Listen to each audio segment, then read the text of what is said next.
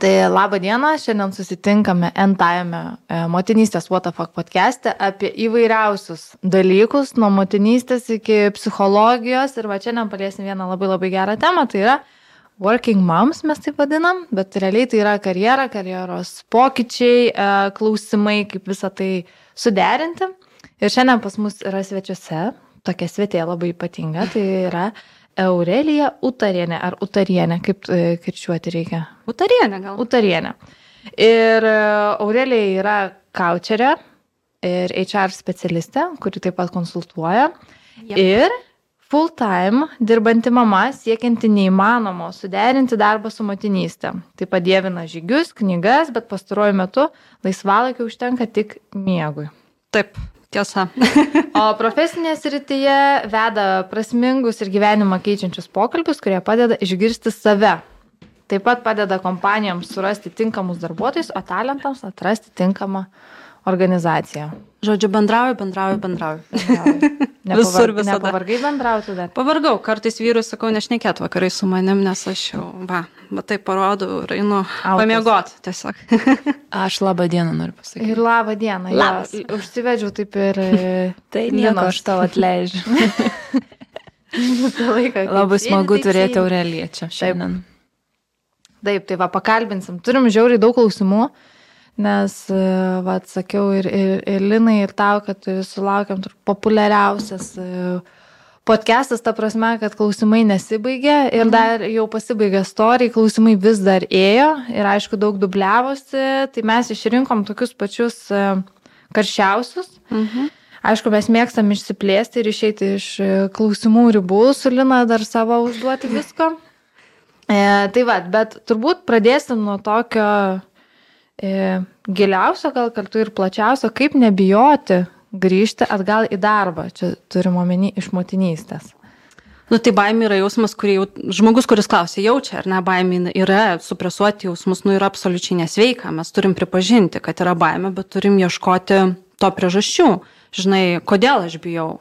Ir dažnai žmonės, e, kaip nebijoti, aš sakau, aš vienuose mokymuose tokį gerą pavyzdį girdėjau. Ir aš jį visur nešiojuosi ir dalinu į kairę ir į dešinę, nes man žiauriai patinka. Nes žmonės dažnai kažką planuodami, va ir čia jinai klausia, ko nebijoti, jie dažnai sako, ko nedaryti, žinai.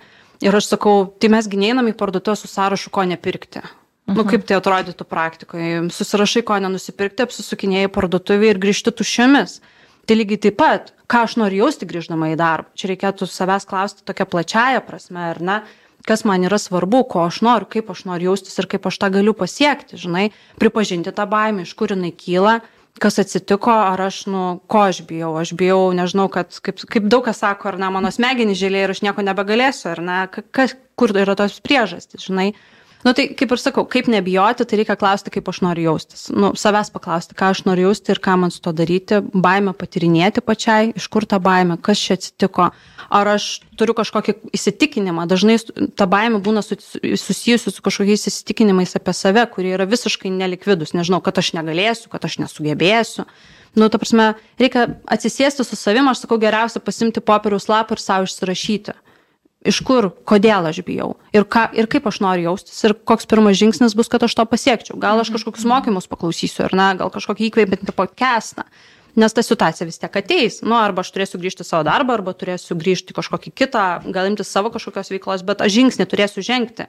Čia nėra stop mygtuko ar ne, nu, šitoj vietoje. Escape. Jo, Aš tik norėjau pridėti labai svarbų dalyką, nes jau mūsų pokalbį matau, kad ryškės e, ir, ir pasisakymų iš to pusės, tai kad Aurelija taip pat yra ir psichologė. Nu, E, psichologė aš nesivadinu, Nu, tu bet turiu išsilavinimą. Išsilavinimą, Mhm. tiesiog nesi kons- konsultuojanti Taip. grinai psichologija, nes, žinai, pas mus daug yra labai psichologinių pasvaiščiojimų, tai kad e, klausytojai ir žiūrovai žinotų, kad jie yra pagristi. Taip, taip. Taip. Gerai, kitas klausimas. Ieškant naujo darbo, gėda pasakyti, kad dviejus metus buvau vaiko priežiūros atostogose. Koks įmonių požiūris į tokius kandidatus? Kaip joms pristatyti tokį faktą, kad buvau atostogo, atostogose? Ir dar čia parašytas toks atvejis, kad buvo keturių metų Mhm. vaiko priežiūros atostogas. Jo, čia dvi, aš su, iš dviejų moterų, šito, nes klasė panašaus. Mhm. Viena buvo atostogose du metus, tai yra, nu, tas standartinis Mhm. variantas, kita Kita keturis. Ir kaip pristatyti šitą faktą, kad tu... Ne va iškritus buvai. Man apskaitai šitas klausimas, tai vat, aš prieš podcastą kalbėjau su tavim ir sakiau, buvo klausimas, kur man nors truputį taip žmogų, nu, come on, ką reiškia gėda? Mums neprivalo būti gėda už savo pasirinkimus ir už savo asmeninę laimę. Iš viso darbdaviai šiaip neturi teisės klausti, ar mes turim vaikų ar ne. Šiaip darbo Mhm. pokalbė toks klausimas yra absoliučiai nelegalus, nes mes pokalbė šis nėra apie vaikus ar apie mūsų motinystę. Nu, šiaip šitoj profesiniai erdvėje, ar ne? Taip. Ir jeigu darbdavys paklaustų, pilna teisė, na, mama turi teisę neatsakyti, aišku, tai atrodytų kvailai, ar ne? Toksai, aš jums nesileisiu šitos informacijos, ar ne?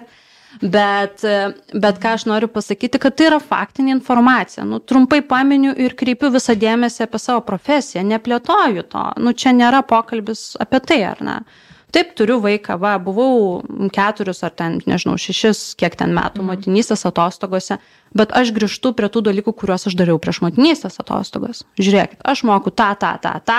Aišku, jeigu tarpas yra labai ilgas, darbdaviai labai pozityviai žiūri, jeigu mama per tas motinystės atostogas ėmėsi kažkokio tai papildomų mokymų ar ne, kažkokio tai tokio papildomos saviugdos tą profesinę temą. Čia bus pliusas. Bet jeigu tai yra du metai, nu čia net neiškritimas, čia gyvenimas. Nu, mes neprivalom atsiprašinėti už tai, kad mes kuriam savo asmeninę laimę. Ypač pokalbiuose, kuriuo šis nėra apie tai. Aš tai e, šitą, šitam klausime tokį le, legendą jaučiu įsišaknyjusią, kad matyt daug kas priklauso į ko, koks tas darbas, ne į kokį grįžti, ar ten lietuviško kapitalo įmonė, ar ten tarptautinė įmonė. Nes dar yra gajus tas, aš pati esu ne vieną kartą patyrusi, kad klausia, Mhm. nesakysiu kur, kur klausia, "A, ar planuojat vedybas, manęs klausia, nes kiek tau metų Nu, ir paskui visi kiti klausimai seka, nes e, lyg darbdavys nori, nori pasiplanuoti saugų ir ramų laiką, kad tu ten, pavyzdžiui, ten 3 ar 5 metus tu dirbtum, kol pakeisi darbą standartiškai, žinai. Tai man atrodo, mamų e, gėda ir baimė slypi daug kur, kur va, persipinės šitas, šitie blogi pavyzdžiai iš įmonių pačių eina. Aš irgi grįžčiau ir ko gero bijočiau, kad man gali užduoti vėl tokius pačius klausimus. Tai kaip mamai elgtis? Sakyti, aš, jeigu paklausiu šito klausimo, aš negryšiu iš vis pas jūs. Arba ar iš karto, kai, pavyzdžiui, mama eina darbintis, jeigu sulaukia tokių klausimų, ar tai yra red flagas, kad neiti šitą įmonę dirbti. Ar tai yra red flagas čia pačiam žmogui, žinai, spręsti. Nu, negaliu aš pasakyti, vienam tai būtų red flagas, kitas sakytų, nu, ai, jokio skirtumo ir to gėdos jausmo net nejaustų. Bet gera žinia yra ta, kad įmonės nu mažiau tą daro, nes e, darbo rinka yra įkaitusi ir žmonių, mhm. gerų specialistų, ypač didžiosiuose miestuose, jeigu imkime Vilnių, nu jų trūksta. Ir dabar jau ta svajonė, kad darbuotojas dirbs 10 metų vienoje kompanijoje, nu, jinai praktiškai neegzistuojanti. Žmogus gali išeiti dėl bet kokių priežasčių, ar ne, dėl to, kad, nežinau, eina į motinystę, ar, nežinau, daro working gap, ar ne, išskrenda į Tailandą dviem metam, nu, nes mes galim savo tai leisti, nu, jeigu susidėliojam gyvenimo aplinkybės, taip. Tai man asmeniškai tai yra red flagas, nes tai rodo iš vienos pusės darbdavio neišprusimą, iš kitos pusės tokį, nu, kultūros nebuvimą, bet gal kitam žmogui tai visai nebūtų red flagas. Tai čia kiekvienam spręsti pagal savo batus ir pagal savo kailį. Tik tai sakau, man kaip specialistai dirbančiai šitoj srity, man yra žiauriai faina ir džiugu, nes, nu, prieš kokius, nežinau, septynis metus to buvo daug daugiau. Mhm. O dabar kažkaip visos organizacijos, nu, vakarėja, nes jos turi pritraukti darbuotojus. Jau dabar, kaip sakant, ginklai yra darbuotojo pusėje dažniausiai, ar ne? Taigi, kiek headhuntinamų yra žmonių, nu, kiek dažniausiai LinkedInas proksta specialistų nuo žinučių. Tave headhuntina kas nors? Taip, yra. Jo. Du kartus. Aš tai nežinau, nes aš LinkedIn pasvardą nebeatsimenu gerus metus. Tai gal tas ten laukia lobby tiesiog. Aš paspaudžiau, aš paspaudžiau, kad pamiršau slaptažodį ir iš naujo susikūriau. Tiesiog ne, neinu, bet e, jo, šiaip visai įdomu. Tai, tai įmonių, žodžiu, tos jau normalios įmonės, tai jų požiūris keičiasi. Žinoma. Ir matyt, mam, mamų viduje esančios tos baimės, gal kartais net perdėtos, ne yra po motinystės apskritai, kai tu grįžti būni labai jautrus, žinai, Taip. visur. Ir gal truputėlį reikėtų. Aš manau, nereikia gi- bijoti hipotetinės situacijos, kuri neatsitiko. Va. Nu, mes prisikūlėm velnių savo galvoje, savai įsibaiminam, mhm. spaudimas pakyla, mes naktim neužmiegam, nors dar nieko neįvyko, ar ne? Mhm. Čia, aišku, va, tas toksai hipotetinių situacijų sukūrimas, tai aš pati motinystį labai pajaučiu. Čia žiūrėk, jau čia nežinau, nusikosiu, viskas, jau rytoj bus 39 temperatūra, mhm. mano visi susitikimai iššaukti, žodžiu, nu, nu viskas grius. Bet, nu, gal taip nesitiko, gal tas vaikas nusikosėjo nuo dulkių, žinai, nu, tai va čia lygiai taip pat, nu, mes nebijokim situacijos, kuri dar neįvyko. Aš sakau, nu, va, kaip ir praeitam klausime, atsakiau, kad, nu, pokalbis yra apie tave kaip profesionalė ir tie mhm. du ar keturi metai neištrynė visko, kas buvo iki tol kažkaip pas, pas mamas aš vat ir savo pažįstamas girdžiu, kad jos tokia užsideda, nu va čia jau viskas, jau dabar mano smegenys košia ir vat lyg ir viskas, kas buvo iki tol, nu viskas, nuo nulio startuoju. Nu, taipgi nėra.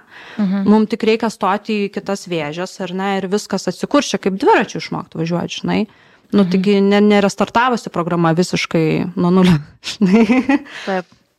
Va turim kitą klausimą. E, kaip įrodyti darbdavi, kad esi tinkama ir geresniems pareigoms nei prieš motinystės atostogas? Ar jis gali suprasti, kad apimas mama mane padarė buldozerę ir I can do it all? Nes e, iš tikrųjų, e, trumpas interpėlis, tai mano patirtim ir man atrodo, Lina tą patį paantrintų, kad dabar, kai, tarkim, mes ieškome žmogaus į komandą, mm. jeigu tai yra mama, tu žinai, kad tas žmogus, nu labai daug šansų, jis tiesiog turi tokį potencialą energijos, nes jis jau išmoko menedžinti labai svarbu pokytį gyvenime. Tai. Ir yra visiškai kitas, pavadinkim, diplomatijos, kas jau augina toddlerius lygis. Ir, ir žinom, kad tas žmogus, jeigu jis turi noro, jis gali padaryti viską. Pasinėra e, tokio termino kaip tinginystė praktiškai. Mm -hmm. Jisai labai puikiai įvertina kiekvieną laisvą minutę. Nu tai toks, e, bet čia yra grinai mano požiūris. Tai, tai vad gal tu. Masė darbdavių už tai papildomo pliuso neprideda. Nu, pripažinkim, mhm. nu, čia nėra kažkoks dalykas, kurį, nu, galės rašyti savo CV ir gal yra tokių darbdavių, vat, kaip tu sakai, jūs ieškot savo komandai ir jūs dedat pliusą riebų, nes jau žinai, kas lepiasi už to. Bet jeigu imam paprastas kompanijas, korporacijas, na, tiesiog bazę ir, na, visą masę, tai tikriausiai tai nebus papildomas argumentas, kuris suveiks grįžus po motinystės mhm. atostogų. Kad pokalbį turėti reikia ir išsakyti savo lūkesčius darbdaviui, na, jeigu nori pasikalbėti bent vieną procentą, yra būtina. Na, tu turi ateiti ir pasakyti, kokie tavo lūkesčiai. Šiai dienai manęs netenkina, aš noriu aukštesnių pareigų, aš jaučiu, kad aš išaugau jeigu ne šiandien, tai kada? Sutarkim terminą, kada mes, ką aš turiu pasiekti, ką aš turiu padaryti, kad tai įvyktų. Tai aš sakau, šnekėtis visada, visada yra būtina, nes jeigu nepašnekėsi, tai niekas ir neįvyks. Jeigu žingsnį žingsnį galėsi vertinti situaciją. Gal niekas neįvyks, gal darbdavys tave pasiūs, žinai, ant trijų raidžių, bet tu galėsi priimti sprendimą ir išeiti į kitą organizaciją. Aha. Ir dažnai po motinystės atostogų mamos keičia darbus. Aišku, tai būna dažnai susijęs su tokia identiteto krize, mes ieškom daugiau prasmės, daugiau esmės ir pajaučiam, kad tai, ką dariau, nu nėra galbūt iki galo teisinga ir prasminga ir dalis išeina į savo veiklas ar ne, kita dalis pakeičia poziciją, įmonę, karjeros kryptį, bet kita darbo keitimo priežastis, na, jinai būna susijusi su tom karjeros galimybių apribojimus, kas dažniausiai paprasčiau padaryti išėjus į kitą organizaciją. Žinai, pasikelti atlygį iki tokio levelio, kokį turi kiti, o ne kokį aš turėjau prieš keturis ar šešis metus, kas dabar skirtumėlis yra, na, nemažas, ar ne? Tai, tai žodžiu, pokalbis visada yra gerai išeitis. Bet ar papildomas bonusas motinystė daugeliu darbdavių tai tikriausiai negros pagrindinę kortą. Na nu, tai ne, nereikėtų nuo to pradėti. Ne, tikriausiai nereikėtų nuo to pradėti. Gal tai bu, gali būti pintai argumentus ir pavyzdžius, bet visgi mes esam profesinėje erdvėje ir šiek tiek turėtume nu, tas ribas išlaikyti, aš manyčiau. Žodžiu, reikia pasiruošti pokalbiui Ir drąsiai, ne? Taip. Iškaip bildozeriškai. Taip, padaryt. tikrai, aš nes, galiu.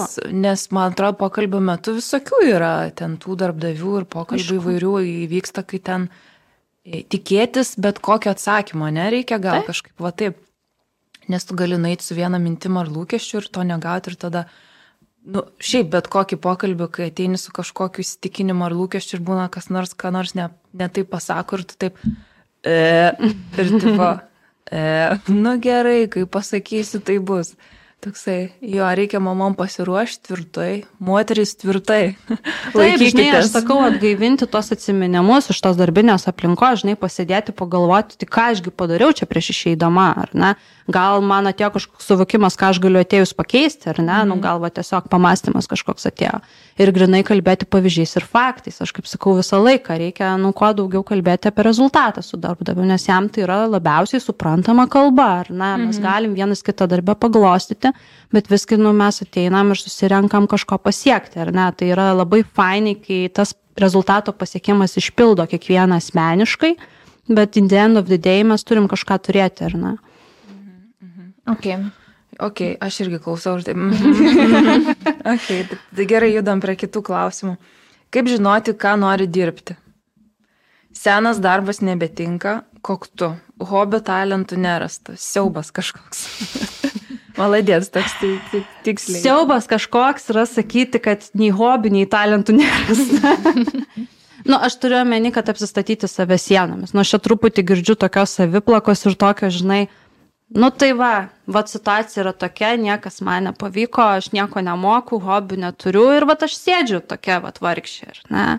Mhm. Nu, nu faina, pasėdėt, paverkt, kažkas paguos, mes galim dabar paguosti, ar ne, šią akimirką sakyti, aš tave suprantu, nes, nu, visiems kažkada iš, ištinka kažkokia identiteto krizė. Bet kitas klausimas, ką tu su tuo darysi, ko tu pati nori, ar ne? Ir ar tu nori, galbūt tau nepatinka darbas, ne pats darbas, gal tau nepatinka, gal organizacija, kurioje dirbi, tau nepatinka, ar ne? Gal nuo tos komandos yra koktu, bet pats darbas gal yra visai fan. Tai žinai, vėl aš sakau, aš vis dažnai kalbu apie tą savistabą, bet čia yra esmių esmė, nes mes dažnai um, panyram į kitų norus ir poreikius ir labai per tą foną negirdim savęs, žinai. Tai paklausti, kur čia yra šis. O kitas klausimas, neturiu hobio. Kada paskutinį kartą kažką naujo išbandėjai, žinai?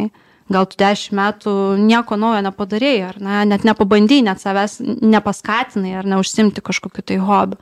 Tai aš siūlau apsidairyti aplink save, apsišluoti, žinai, ir ir paglošiu savo galvą, paklausti savęs, nu ar aš tikrai žengiau kažkokį žingsnį, kad surasti tai, ko aš noriu, ar ne? Aš visą laiką klausiu, sakau, klausti savęs, kas aš esu, žinai, kas man, ką man reiškia sėkmė, mm, ką aš noriu pasiekti. Aš nu, tiesiog sproksta man. Mind blowing. Toksai Nu, aš čia tokius, į tokias gilumas einu dabar, ar ne? Ja. Nu, čia, čia nėra tema atsakymas iš tą klausimą, nu, žinai, aš taip iš karto žiūriu per tokią konsultavimo ir sesijos prizmę. Čia yra labai mm. platus klausimas, čia galima, o jezu, kiek per konkre konkrečiai žmogų reikia to matyti ir tada tu galėsi. Taip, žinai, bet, bet, bet sakau, kad dažnai toks nepajudėjimas būna susijęs su to, kad aš pas, pats save apsistatau sienom, kad aš mhm. negaliu. Jeigu aš galvoju, kad aš negaliu ir neturiu ir man nepavyks ir čia tiesiog yra the end, tai taip ir yra, žinai. Nu, mes mhm. patys savo nusistatom ribą, žinai, mes patys mhm. geriausiai žinom, ko mes norim, žinai. Jeigu pas tave, tarkim, į konsultaciją ateina tokių mamų, kurios, vad, sako, mm. žinai, aš nebežinau, kas esu, nebežinau, ko noriu, aš nieko nemoku, man nepatiko tas darbas, bet į kokį eiti aš net neįsivaizduoju. Yra mm. tokių atvejų? Um, nu gal tokių visai tokių visiškai krizinių gal ne, bet įvairių variacijų tikrai yra. Mhm. Ir, nu ir jo, ir mes tada gilinam, um, ko tu nori, kokia situacija yra dabar, kas tavęs netenkina, ką tu nori daryti kitaip, kokius resursus turi, kokių resursų tau reikia ar ne. Uh, galų gale kokią kainą tu nori mokėti už tai. Kartais, žinai, žmogus pasako, kad aš noriu, nu, nežinau, turėti big verslą, bet kai mes pradedam gilinti, kad tas big verslas kainuos laikas su vaiku arba su vyru, sako, ne, aš tai to nebenoriu, žinai. Bet svarbiausia yra atrasti, kokia yra mano didžiausia, žinai, vertybė gyvenime ir kaip aš ją galiu pasiekti per darbą. Mhm. Ir tada viskas eis. Nu, o jeigu aš nežinau, koks mano tikslas apskritai toksai bendras ar ne, toks asmenybinis, tai aš ir blaškausi. Nu. Pasakyk kokį pavyzdį, tarkim, koksai, nu, kokia gali būti vertybė ir kaip ją per, per darbą žmogus gali išpildyti nu žinai nu tarkim nežinau vienam vertybė yra padėti kitiems žinai nu va tokia mhm. ta savirealizacija yra per pagalbą kitiems nu pavyzdžiui man tokia yra viena didžiųjų tokių mhm. vertybių man man yra faina man yra gera mano širdis dainuoja žinai kai aš matau kaip žmogus keičiasi kaip jis kažką atranda žinai tai ir per tai ar ne tu ieškai tos veiklos tai nu čia toks ilgas kelias. Nu, žinai, aš dabar galiu čia vartyti dešinį į kairę, bet, bet aš sakau, pagrindinis klausimas yra savo, ko aš noriu. Bet man, žinok, va tas, ko aš noriu, yra Man lengviau, pasakyti, man lengviau yra- pasakyti, ko aš nenoriu Tai dabar. čia va kaip į parduotuvę nueit nusipirkti. O man, o man labai patiko tavo išnešta šitą informaciją irgi visiškai nauja, tai yra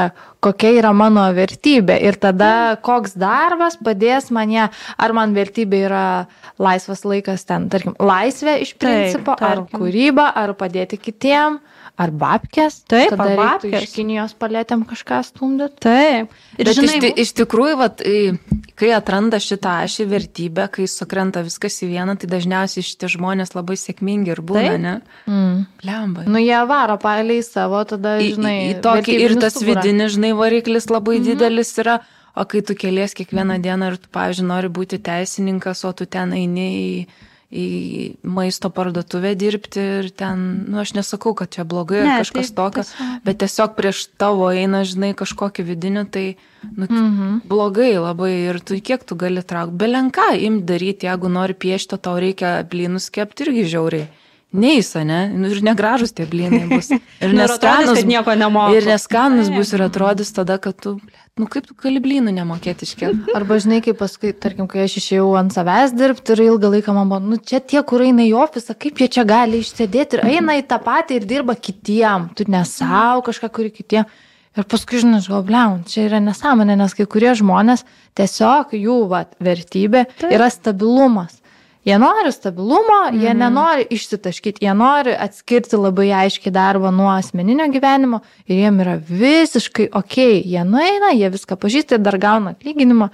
Tai aš taip Išvis pagalvoju, happy, tikrai, tikrai happy ir, ir ramesni ko gero, jeigu, jeigu tai yra tai, ko jie nori. Taip, tai čia aš jų ašis yra iš tiesų atrasti vertybę ir, ir, ir surasti iš tiesų dažnai, kas dar šalia, žinai, trukdo, tai tokie visokie ribojantis įsitikinimai, kurie mūsų stabdo. Kaip aš sakau, ką, kokias mes sienas apstatom savo galvoje, tai tuos ribojančius įsitikinimus atkapstom, žinai, ir tada atsiveria duris, tada žmogus yra tankas, nes jisai mato tikslą, žino, kodėl tai daro ir e, susikuria planą, kaip tą padarys. Nes pas mane ateina su, suaugę capable žmonės. Aš, aš, aš juos priimu su nuostata, kad jie patys žino geriausiai, ko jiems mhm. reikia.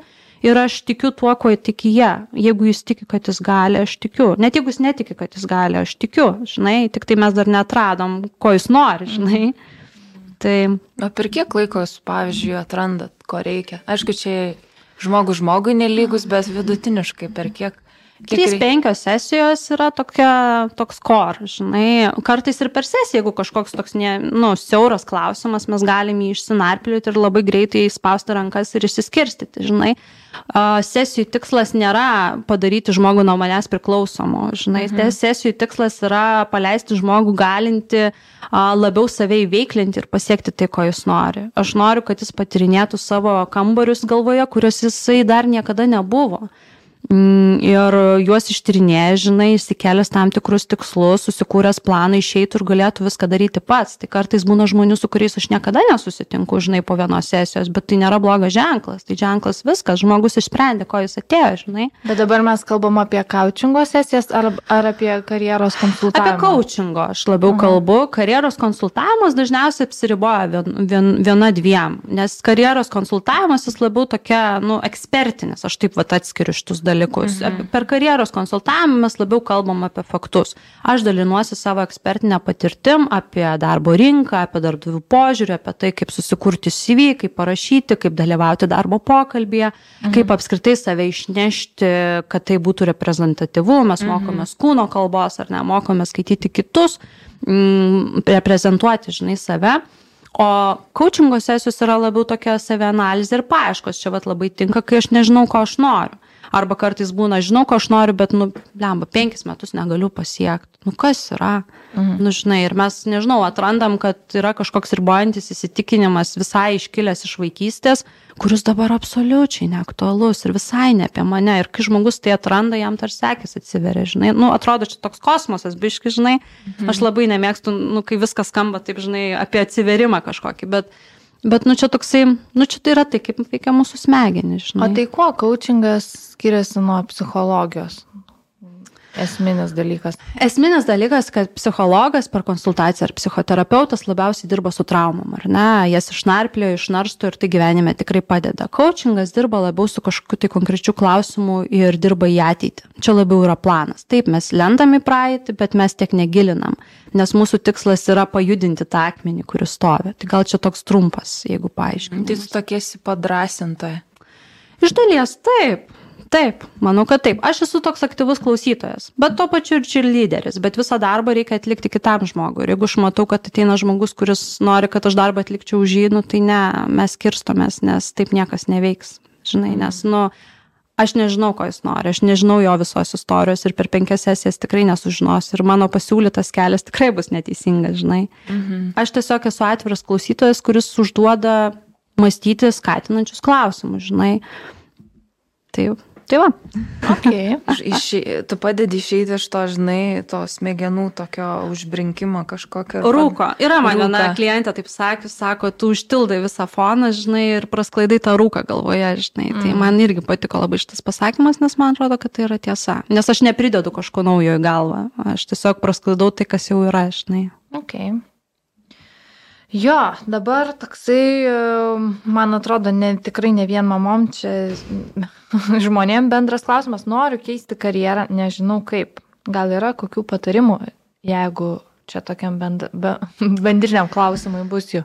E, jo, e, vat karjeros konsultacijose pas mane ateina dažnai žmonių, kurie sako, aš noriu keisti karjerą. Nu, vat nežinau, prieš 20 metų man labai patiko architektūra, ar ne, ir vat aš dabar, nežinau, dirbu buhalterę, nu, aš čia visiškai hipotetiškai sakau. Ir aš noriu vėl dirbti architek architektę, ir ne, aš turiu išsilavinimą, ir, nu, vat, dabar man padėkit, čia žodžiu, persiorientuoti. Mano pirmas klausimas, kurio aš klausiu, ar tu nori, yra to kaina, sakau, tu negalėsi pradėti tam, tam pačiam taške, kuriam tu esi dabar. Ar tu nori tą kainą mokėti? Ar ne, tau reikia pasiruošti, jeigu tu nori keisti karjerą, ar ne, dažnai tai būna ir kažkokia finansinė dobytė, nes, nu, tu turi pradėti žemiau, o jeigu dar reikia mokytis, ar ne, mm Tai aš visą laiką pirmą atgražinu į tokią realybę ir sakau, gerai, fainai, smagu, matau, akis dega. Nusiverki tada. Bet tai nereiškia, kad žmogus nusisodina. Tikrai yra žmonių, kurie sako, gerai, kamon, okei, okay, aš pasiruošiu, duo, aš savo duodu metus, aš pasikaupsiu babkių, mes pasikalbėsim su vyru, kaip mes čia viską susidėliosim, bet tada viskas įgauna tokią, žinai, formą. Tai jeigu žinai, ką nori daryti, tai klausk savęs, ar tu, ar tu sutinki mokėti tą kainą, kurią tikriausiai reikės mokėti. Kokia, kokios kainos dažniausiai būna? Aš suprantu, kad finansinis. E, finansinis, aspektas. moralinis irgi, žinai, nu tu galbūt buvai vadovė kažkur ir tu ateisi kaip specialistė, o kiti, žinai, bus 10 ar 15 metų jaunesni ir gal tau bus not very much fun, nu, mhm. žinai, gal bus nejauku kažkiek tai tą daryti um, laiko prasme, ar ne, tu turėsi investuoti, tai tą laiką tu iš kažko atimsi, 24 valandas pa, paroje, ar ne, ar tu atimsi tą laiką iš savo miegų, iš savo polisio, iš savo sveikatos, ar tu su vaiku, žinai, nepažaisi, ar ten nepagaminsi jam skanios vakarienės, tai tu savo turi, tu turi save pastatyti prieš faktą, žinai.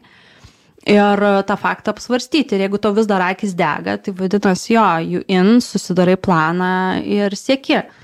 O kaip atrasti tą karjeros kelią, tai sakau, va čia va vertybės yra ta šis, koks darbas išpildytų mano tą vertybę pagrindinę ir, ir ko aš noriu.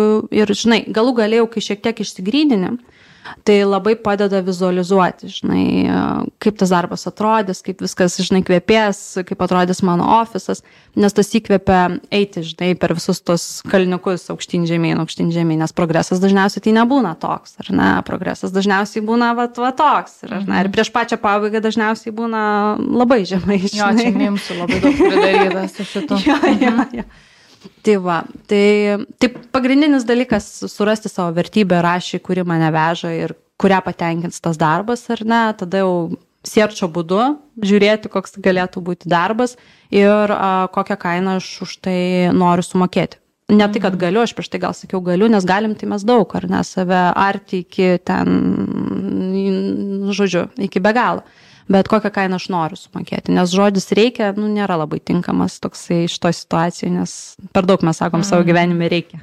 bet čia, žinai, e, tokia situacija, kur žmogus, pavyzdžiui, jau turi išsilavinimą, kurį tu pasakėjai architektas, tada pakeitė ir dabar vėl nori grįžti, bet yra tokia atveju, kur, nu, tarkim, mamos, kurios dirbo kažkokio įmonėje, tai. nu, ten tarkim, logistikos įmonėje, jos dirbo ten vadybininkė ar vadovė vienur ar kitur ir dabar jos sugalvojo, kad jos nori pradėti, tarkim, užsimti keramiką ir pardavinėti keraminius ten ką tai, ne? Ir, ir čia yra kardinalus pokytis. Arba buvo medikė ir dabar sugalvojo, kad jinai nebenori grįžti tokį didelį stresą, jinai nori ten dirbti IT, nes girdėjo, kad dabar IT ten visi labai, žinai, čilina ir valto babkės kastuvu. Tai, tai ką va tokiam žmogui. Ir tai čia yra dar variantas geras, kai žmogus žino, ko jisai nori. Tai. Ką tokiam žmogui pasakyti? Mhm. Um, Nu, aš tai sakau, aš vis tiek grįžtu prie tos, kokią, kokią tu kainą nori už tai mokėti. Ir tau yra, okay. yra tai priimtina. Jeigu yra priimtina, koks tavo pirmas žingsnis to pasiekti, žinai, susikurti planą, žinai. Ir kuriant planą, svarbiausias dalykas, kurį žmonės, nu, praktiškai 99 procentus e, kartų pamiršta, yra plane įsirašyti, kaip tu švesi kiekvieną savo pergalę. O tai yra be nesvarbiausia plano dalis, nes tik taip tu pamotivuosi save pakeliu, žinai, ardamas tą sunkų darbą. Tai aš sakau, kaip planuoju. Šokoladuko? Galima šokoladuko. It's fine. It's fine. Žinai. Tai apie tas pergalės pakeliu irgi labai svarbu pagalvoti ir ką daugelis tikrai pamiršta. Būna, pažiūrėjau, pas tave ateina žmogus ir sako, aš čia pilnas energijos ir optimizmo ir ten aš noriu būti ten tą ir tuo ir tuo ir keisti ten karjeros, ten, iš esmės karjerą, ten dirbo vienokiu, nori kitokį darbą dabar daryti. Ir kai susideda, kaip tu sakai, ten tuos visus ten metų laikotarpio moralinius, ten visus nuosmukius, piniginius, kaip gali atrodyti viskas. Ar būna tokių, kur persigalvoja ir galvoja, kad, hm, nu, gal aš truputį pagalvosiu ir man tas darbas, kur buvau prieš, tai dirbu visai neblogas. Būna tokių apsigalvojimų. Dažniausiai būna trečias variantas, žmogus randa trečią būdą, kad galbūt pala, taigi aš savo gal, darbę galėčiau dirbti paraleliniam skyriui ar ten kažkokį tai paralelinę veiklą, tai kodėl aš apie tai net iki šiol neapgalvojau. Va tokių atvejų daugiau būna. Mm. Žinai, kad žmogus atranda trečią opšiną, kuris dar jo galvoje nebuvo. Mm -hmm. Kuris kaip ir jam tinka, šiek tiek patenkina kažkokį jo poreikį, jam tinka to kaina, žinai. Ir jisai kaip ir atsistoja tokią komforto zoną šiai dienai, kur yra it's fun, žinai. Nes uh, prieš gal pusę metų pas mane buvo mergina, e, na, jinai ne mama, tiesiog, nu, žodžiu, jauna moteris, kuri irgi... Kas tai yra? um, nu, čia, žinai, kadangi apie motinystę, tai jinai atėjo irgi su tokiu klausimu, kad jai vis, vis nepavyksta rasti tos profesinės laimės, žinai, ir jinai bandė ir tą, ir tą, ir persidirbo, ir buvo burnautas, nu, žodžiu, jinai ištisai mm -hmm. perserė, kai nueina į darbą. Ir mes turėjom penkias sesijas, nes jinai norėjo visiškai keisti darbo sritį ir veiklą. Žodžiu, jinai susidarė tokį tikslą, bet gal per trečią sesiją paaiškėjo, kad, nu... Nedarbas, o kažkokia savybė. Ne tame esmė, ne tame esmė, kodėl jinai taip persidirba ir kodėl tai galų gale netikdavo džiaugsmo, nu viskas yra giliau, jinai turėjo mhm. tam tikrą įsitikinimą apie tai, kaip to ir turi būti sustatytas gyvenimas, kuris jai nebeveikia ir yra net ne jos, ar ne? Ten kažkada vaikystėje kažkas atsitiko ir, ir, ir jinai tą nešasi bagažą su savimi ir tempėsi ir aria ir ten 20 ten valandų per parą, žinai, dirba ir nesupranta, ko jai tai laimės nesuteikia, žinai, nes šiaip sėkminga moteris, viskas fine, žinai, kyla mm. karjeros laiptais. Tai, tai kartais, kartais, kartais va toks, žinai, nu, atrandi visai kitas priežastis ir atrandi dar trečią būdą, apie kurį niekada net nepagalvoji, žinai. Nebūtinai apsigalvoji, bet atrandi trečią kelią, kuris tau tinka smegenys ir jis suranda vis tiek tai. kažkokį išėjimą. Taip. taip. E, gerai, tada dabar prie jaunos, nuo jaunos moters e, grįžtam prie mamų ir vaikų. Nusirga tie vaikai pirmais darželio metais, nu kai eina pirmus metus į mhm. darželį. Ką sakyti darbo pokalbėje? Kaip per nuolatinius sirgimus daryti karjerą. Mes jau pradžioj tą palėtėm, tai. tai čia iš šito kažkas irgi vystosi, tai jeigu kažkokį apibendrinimą gali pasakyti, tai pakartok, prašau. nu, mes teisintis neturim. Visų pirma, mes kalbam apie dalyką, kurio nežinom. Nuserga, bet tavo gal nesirgs tiek, kiek sirgo kaimyno vaikas. Gal sirgs dvigubai, gali būti ir taip, nu, nedaug dievė, niekam nelinkiu. Bet uh, su darbdaviu reikia kalbėti apie tai, uh, profesiniuose rėžiuose apskritai, kokį lankstumą jis tau duos grįžtant į darbą, pasikeitus tavo situaciją arba tas naujas darbdavys kokį tau lankstumą duos, kiek tu gali dirbti iš namų. Mhm. Bet ne tai, kad dėti viską į vaiko foną, nu tiesiog aš kaip darbuotojas klausiu, kiek galima dirbti namo, kas jeigu iš namų, kas jeigu aš sergu, ar aš galiu dėliotis darbo valandas lankščiai, kas dažnai nu mamoms būna labai svarbu, ar ne, susidėlioti visus tos mhm. prioritetus, mhm. galbūt ar ne, išeiti anksčiau ten tą valandą, po to dirbti, kai vaikas užmiega, nu čia tarkim, kiekvienas turi savo būdą, ar ne. Tai kalbėti su darbdaviu apie darbo sąlygas ir kiek to lankstumo jisai gali duoti ir savo pasimatuoti tas situacijas, hipotetiškai, kas būtų, jeigu būtų, ar ne. Gal kreiptis į visas pažįstamas močiutės tetas ir susikurti planą, kad klausyk, kai jis sirgs, gal galėsi vieną dieną pažiūrėti, žinai, ar dvi mhm. dienas pažiūrėti. Nu, irgi apsigalvoti, ką aš darysiu. Nu gerai, hipotetiškai, serga, nu, tris savaitės serga, vieną nueina į darželį ir, ir vėl serga. Tai gal keisti su vyru aptarti tą planą, keisimės biliotėnį, žinai, vieną kartą įsiu, aš kitą kartą įsiu tu ir kažkaip mes išvarijuosim tą pusę metų ar metų, žinai, ar pasikviesim kaimynę, žinai, ar samdysim auklę, nu, tam, tom keliom valandom. Žodžiu, su darbdaviu kalbėti apie tai, kokį lankstumą jis yra pasiruošęs duoti tau kaip darbuotojui, su šeima kalbėti apie tai, kokias tu galimybės ir resursus turi, ką pasitelkti į pagalbą, kai tas vaikas irgi, žinai. Nu, mhm. Nu, toks, nu, toks strikt planas. Turėti planų, žodžiu, ne, nesakyti, kad čia viskas šūdas ir blogai. Jo. O pasi. bet, bet karjerą daryti, nu, iš tikrųjų. Sunku, e, bet sunku, žinai, nu, dėl to, kad, nu, man atrodo, mamai labai sunku save perskirti, žinai, nu, vis tiek smegenys nei ten iki galo, nei ten iki galo. Nu, aš mhm. Tu būdamas su vaiku esi tokiam nuolatiniam chroniškam strese, žinai, kas čia, kas čia, kaip čia, aš čia kažką pamiršau, nu, žinai, toks, nu, nu voverė rate, o kai tu dar į tai įmeti dar ir pilno etato darbą, tai tai pasidaro, aišku, labai komplikuota ir aš tai sakau, mes esam superwoman, kad mes tai sugebam sumendžinti kažkokiu tai būdu ir ten neplakim savęs už tai, kad ten vienas ar kitas dalykas nukrito kažkur, žinai, ar nepavyko. Tai, tai ta karjera, žinai, nu irgi čia vėl kiek aš, kiek aš užsibriešiu, ar aš tikrai noriu tos karjeros. Ar aš tikrai noriu būti super duper vadovė, bet tada, nu, vaikas manęs gal nematys, žinai. Ar, ar aš gal noriu turėti kažkokį tą tokį vienokį ir kitokį balansą, gal nebūti super duper vadovė, žinai, gal turėti kažkokią šalia papildomą veiklą. Nu vėl klaus, ko aš noriu ir kokią kainą noriu už tai mokėti, žinai. Nu, aš vis apie tą kainą, nes man atrodo, kad nu, tai yra žiauriai svarbu, žinai.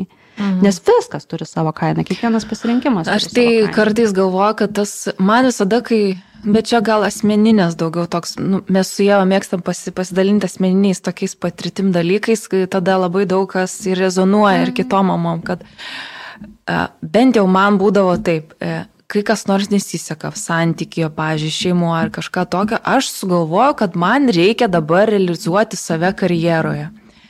Ir sakau, man reikia čia dabar nuo ten akaunto menedžerio būti dabar jau timo kažkokią vadovę, žinai. Ir, ir tuoj pat, ir greit, ir žinai, per pusę metų, ir tada tu, nu, tu realiai nu, ne, neįvertini, žinai, savo galimybių ir realiai nežiūri kažkaip sveikai į visą situaciją, žinai. Tai man kartais, vat, noris, kad mamos truputėlį gal pristabdytų uh mhm. -huh. ir, kaip tu sakai, įsiklausytų, susidėliotų tą dalyką truputėlį gal po metų, kai vaikas mažiau sirgs, tu galėsi easy padaryti, pavyzdžiui, tą kar karjerą. E, kartais, kai labai būna sunku, tu nori mesti šitą dalyką ir kažkur atrodo, kad ten yra ryžių auksiniai laukai ir tu ten brysi ir ten kažkokią karjerą padarysi. Bet aš esu bloga kočerė. Šiaip tai mes dabar kalbam ir aš galvoju, kad Linos yra situacija, tai labai įdomi nu, netgi labai tinka kaip case study mm. šitam podcast'ui, nes, pavyzdžiui, Lina dirbo agentūroje. Ir dabar nusprendė dirbti su Motherhood Sex, kas yra žiauriai sudėtingas ir tikrai nėra didžiausio saugumo priduodantis projektas. Ir, vat, nu, tai pasilieku tik tais dėl tavęs. ne, bet tai... E, Na, nu, žinai, nu, čia... galima savęs hipotetiškai, žinai, paklausti. Nu gerai, įsivaizduojate, aš esu ten vadovė, nežinau, skyriaus, nežinau, finansų skyrių vadovauju. Vyr. Jo, vyr. Žodžiu, galiu visiems pirštų rodyti, visus kaip višiukus ganyti, žinai, grumoti. Mm okei, okay, aš esu tam taške. Ką man tai duoda? Nusas paklausti, ką man tai duoda, žinai? Ir ar jauti kažkur tą virpuliuką smagų ar nejauti. Ir kaip tu ir sakai, atidėti tai nėra blogai, žinai, gal dabar ne, o gal po metų, žinai, nes aš dabar nenoriu mokėti tos kainos. Aš noriu, žinai, tam vaikui duoti vaistus ir jį slaugyti, kai jam užkyla ta temperatūra, žinai. Bet po metų gal man tai pavyks. Ir dalinis variantas ir yra toks, žinai, arba grįžti, tarkim, dalinio atatu, žinai, jeigu tai yra įmanoma. Jeigu tai yra įmanoma šitam darbė, gal įmanoma pas kitą darbdavį, žinai. Aš, pavyzdžiui, išėjau dirbti, kai mano vaikui nebuvo metų bet aš išėjau dirbti pusę etato, žinai, nu, nes man va toks variantas tiko. Mm. Tai va, nu, toks tarpinis, žinai, m, mm, galima išeiti pusę etato, 7-5, žinai, ir pasivarijuoti tuos dalykus. Mm. Tai, tai Nu, tai tos lygos jos bus, žinai, su darbdaviu apie tai kalbėti, ten gilinti tikriausiai labai nereikia. Pačiai savo, žinai, mhm. pasigilinti namie, ką mes darysim, kai vyks šita katastrofa. Aišku, čia vienas klausimas su vienu vaiku, kai ten du ar trys, tai ten iš viso griūvantis kortų namelis tikriausiai atsitinka. Mm -hmm. Jo, čia, kai yra du, tai yra tiesiog karuselė visą laiką. Nu, tai yra apsukamas ratas, žinai. Mm, fun. Tai tas, jo, šiaip derint sudėtinga, bet um, Šiaip labai įdomus, tai kad dabar kalbam apie darbdavį, tai yra grįžimas į samdomą darbą, pas tai. mane yra dar kitokia realybė, nus, nes aš samdo, pati ant savęs dirbau prieš tai. tai ir grįžau tą patį ir labai iš tikrųjų įdomu matyti, kaip mama skirtingai reaguoja į grįžimą į darbą. Vienos nori grįžti, bet nežino į ką, kitos nori grįžti, bet nori daugiau babkių kitos pozicijos, bet ne, nėra tikros, nu, nepasitikė savim. Mhm. Kai kurios nenori grįžti. Taip. Artėja ir jos sako, blembo, dar būčiau ir būčiau ir man čia taip faina. Ką man asmeniškai sunkiausia suprasti, nes um, aš nenustojau dirbti, nes Taip. turbūt yra tipažas irgi žmonių, kurie visą laiką nori, nu, va, turėti tą, nes darbas man ir pabėgimas to pačiu kažkiek mhm. būdavo, tai, tai dar yra kitaip viskas, tie formatai skirtingi. Ir turim klausimą tokį, kaip nesijaust atsilikusią. Aš taip, kaip Lina, tai kvantinis šuolis. Pažinai apie vieną, ne be taško perėjau kitą. Aš dabar irgi kvantinį šuolį pasakysiu. Nu, dar vieną. Jo, yra mamų, kurios po darbo, karjeros supranta, kad jų laimė ir ašis yra auginti vaikus ir Tiesa. turėti, pavyzdžiui, penkių, vaik, penkis vaikus ir turėti didelę šeimą respektas, aš tai žaviuosi tokio moterim. Respektas man ir, nes man čia atrodo sunkiausias darbas, kokį tu gali pasirinkti, mm. bet kitom čia yra kaifas. Aišku, aš manau, žinai, mes daug aš nekam apie visas šitas opcijas, bet labai daug groja finansinis saugumas. Ehm, kiek tu gali, nu, vat, kokie tavo poreikiai, žinai, tas finansinis saugumas, žinai, vienam užtenka vienokių dalykų, kitam, žinai, reikia tris kartus į kelionę išvykti. Gal... Čia mes kalbame apie tai, kas man, žinai, yra ja. svarbu gyvenime. Man tai, pažiūrėjau, didžiausia grėsmė ir, ir nesaugumą ir baimė kelia, kad nes yra vaikai. Kai tu vienas esi pabarabanų prie konteinerių gali žinai. Bet kai yra vaikai, tai iš karto, žinai, grėsmė atrodo bent jau asmeniškai, va, daug didesnė, daug opesnė problema, mm. nes, nu, tų pinigų kažkiek vis tiek reikia, žinai. Tai man rodos, mam, mamos daugumai irgi jaučia baimę, tik tais uh, vertinant jau per tą vaikų šeimos prizmę. Nes ką tu vienas ten įsikėpiai bulių, kefyro ir viskas. Vaikam taip su vaikais nepadarysi. Tai kaip dirbti su šituo dalyku, žinai, kad nepaskestame, nepamest savęs, Mhm. E, ir kad viską darau tik tais dėl šeimos ir vaikų ir einu ten dirbti šūdiną darbą, nes reikia tiesiog pinigų. Man rodos, kad daug kas darbą tai daro taip. Nu, žinai, aš kiek, kiek ilgai taip važiuosi, kiek tempi? Gali visą gyvenimą taip važiuoti. Gali, o ko ne. Tik tai klausimas, ar žinai, atsisukus atgal, žinai, Um, taip aš sakau, aš tada hipotetiškai nukeliu į ateitį, žinai, sakau, ateik, žinai, prie savo ankapio žiaurų, žinau, skamba labai juodai. Oh my god. Bet sakau, ta, kuri visą gyvenimą dirbo tai, ko nemėgo ir viską darė dėl kitų. Ar fainai skamba, žinai? Not fun, nėra ko didžiuotis. Vergas. Jo, vergas toks piški, žinai, ir dar, žinai, medalis pakabintas. Žinai, toksai nusau, žinai, nusodint, nu, nu plecha, ašgi čia esu, aš esu savo gyvenimo autorius, tai aš esu suaugęs, capable žmogus, aš galiu rinkti, žinai, tas finansinis saugumas, tai, nu, žinai, čia mes visą laiką kalbam apie tai, kad jeigu uždarau tai, ką aš noriu, nu, tai viskas eis kažkaip, nu, žinai. Tas finansinis saugumas iš viso toksai, ką reiškia, žinai, finansinis saugumas. Nu, to prasme, turiu omeny, kad uh, vienam tai, žinai, yra, vat, uh, finansinis saugumas turėti vyrą, kuris gerai uždirba. Kaip viena pašnekovė prieš tai sakė, vyro pinigai yra mūsų abiejų, o mano pinigai yra mano. Va, Taip yra, ne? Kitam, Taip žinai, sakė. finansinis saugumas, žinai, yra uždirbti X sumą pinigų. Nu vėl savęs paklaus, kas man yra tas finansinis saugumas, žinai. Ar būti santykiu su žmogum, kuris uždirba. Nu, aš, it's fine, jeigu tau tinka, čia nėra nieko gėdingo. It's ok. Ar uždirbti pačiai kažkokią X sumą, žinai. Bet klausimas gerai, jeigu tu nori uždirbti kažkokią sumą, ar tu nori uždirbti darydamas tai, kas tau patinka, ar tu nori būti vergas, žinai.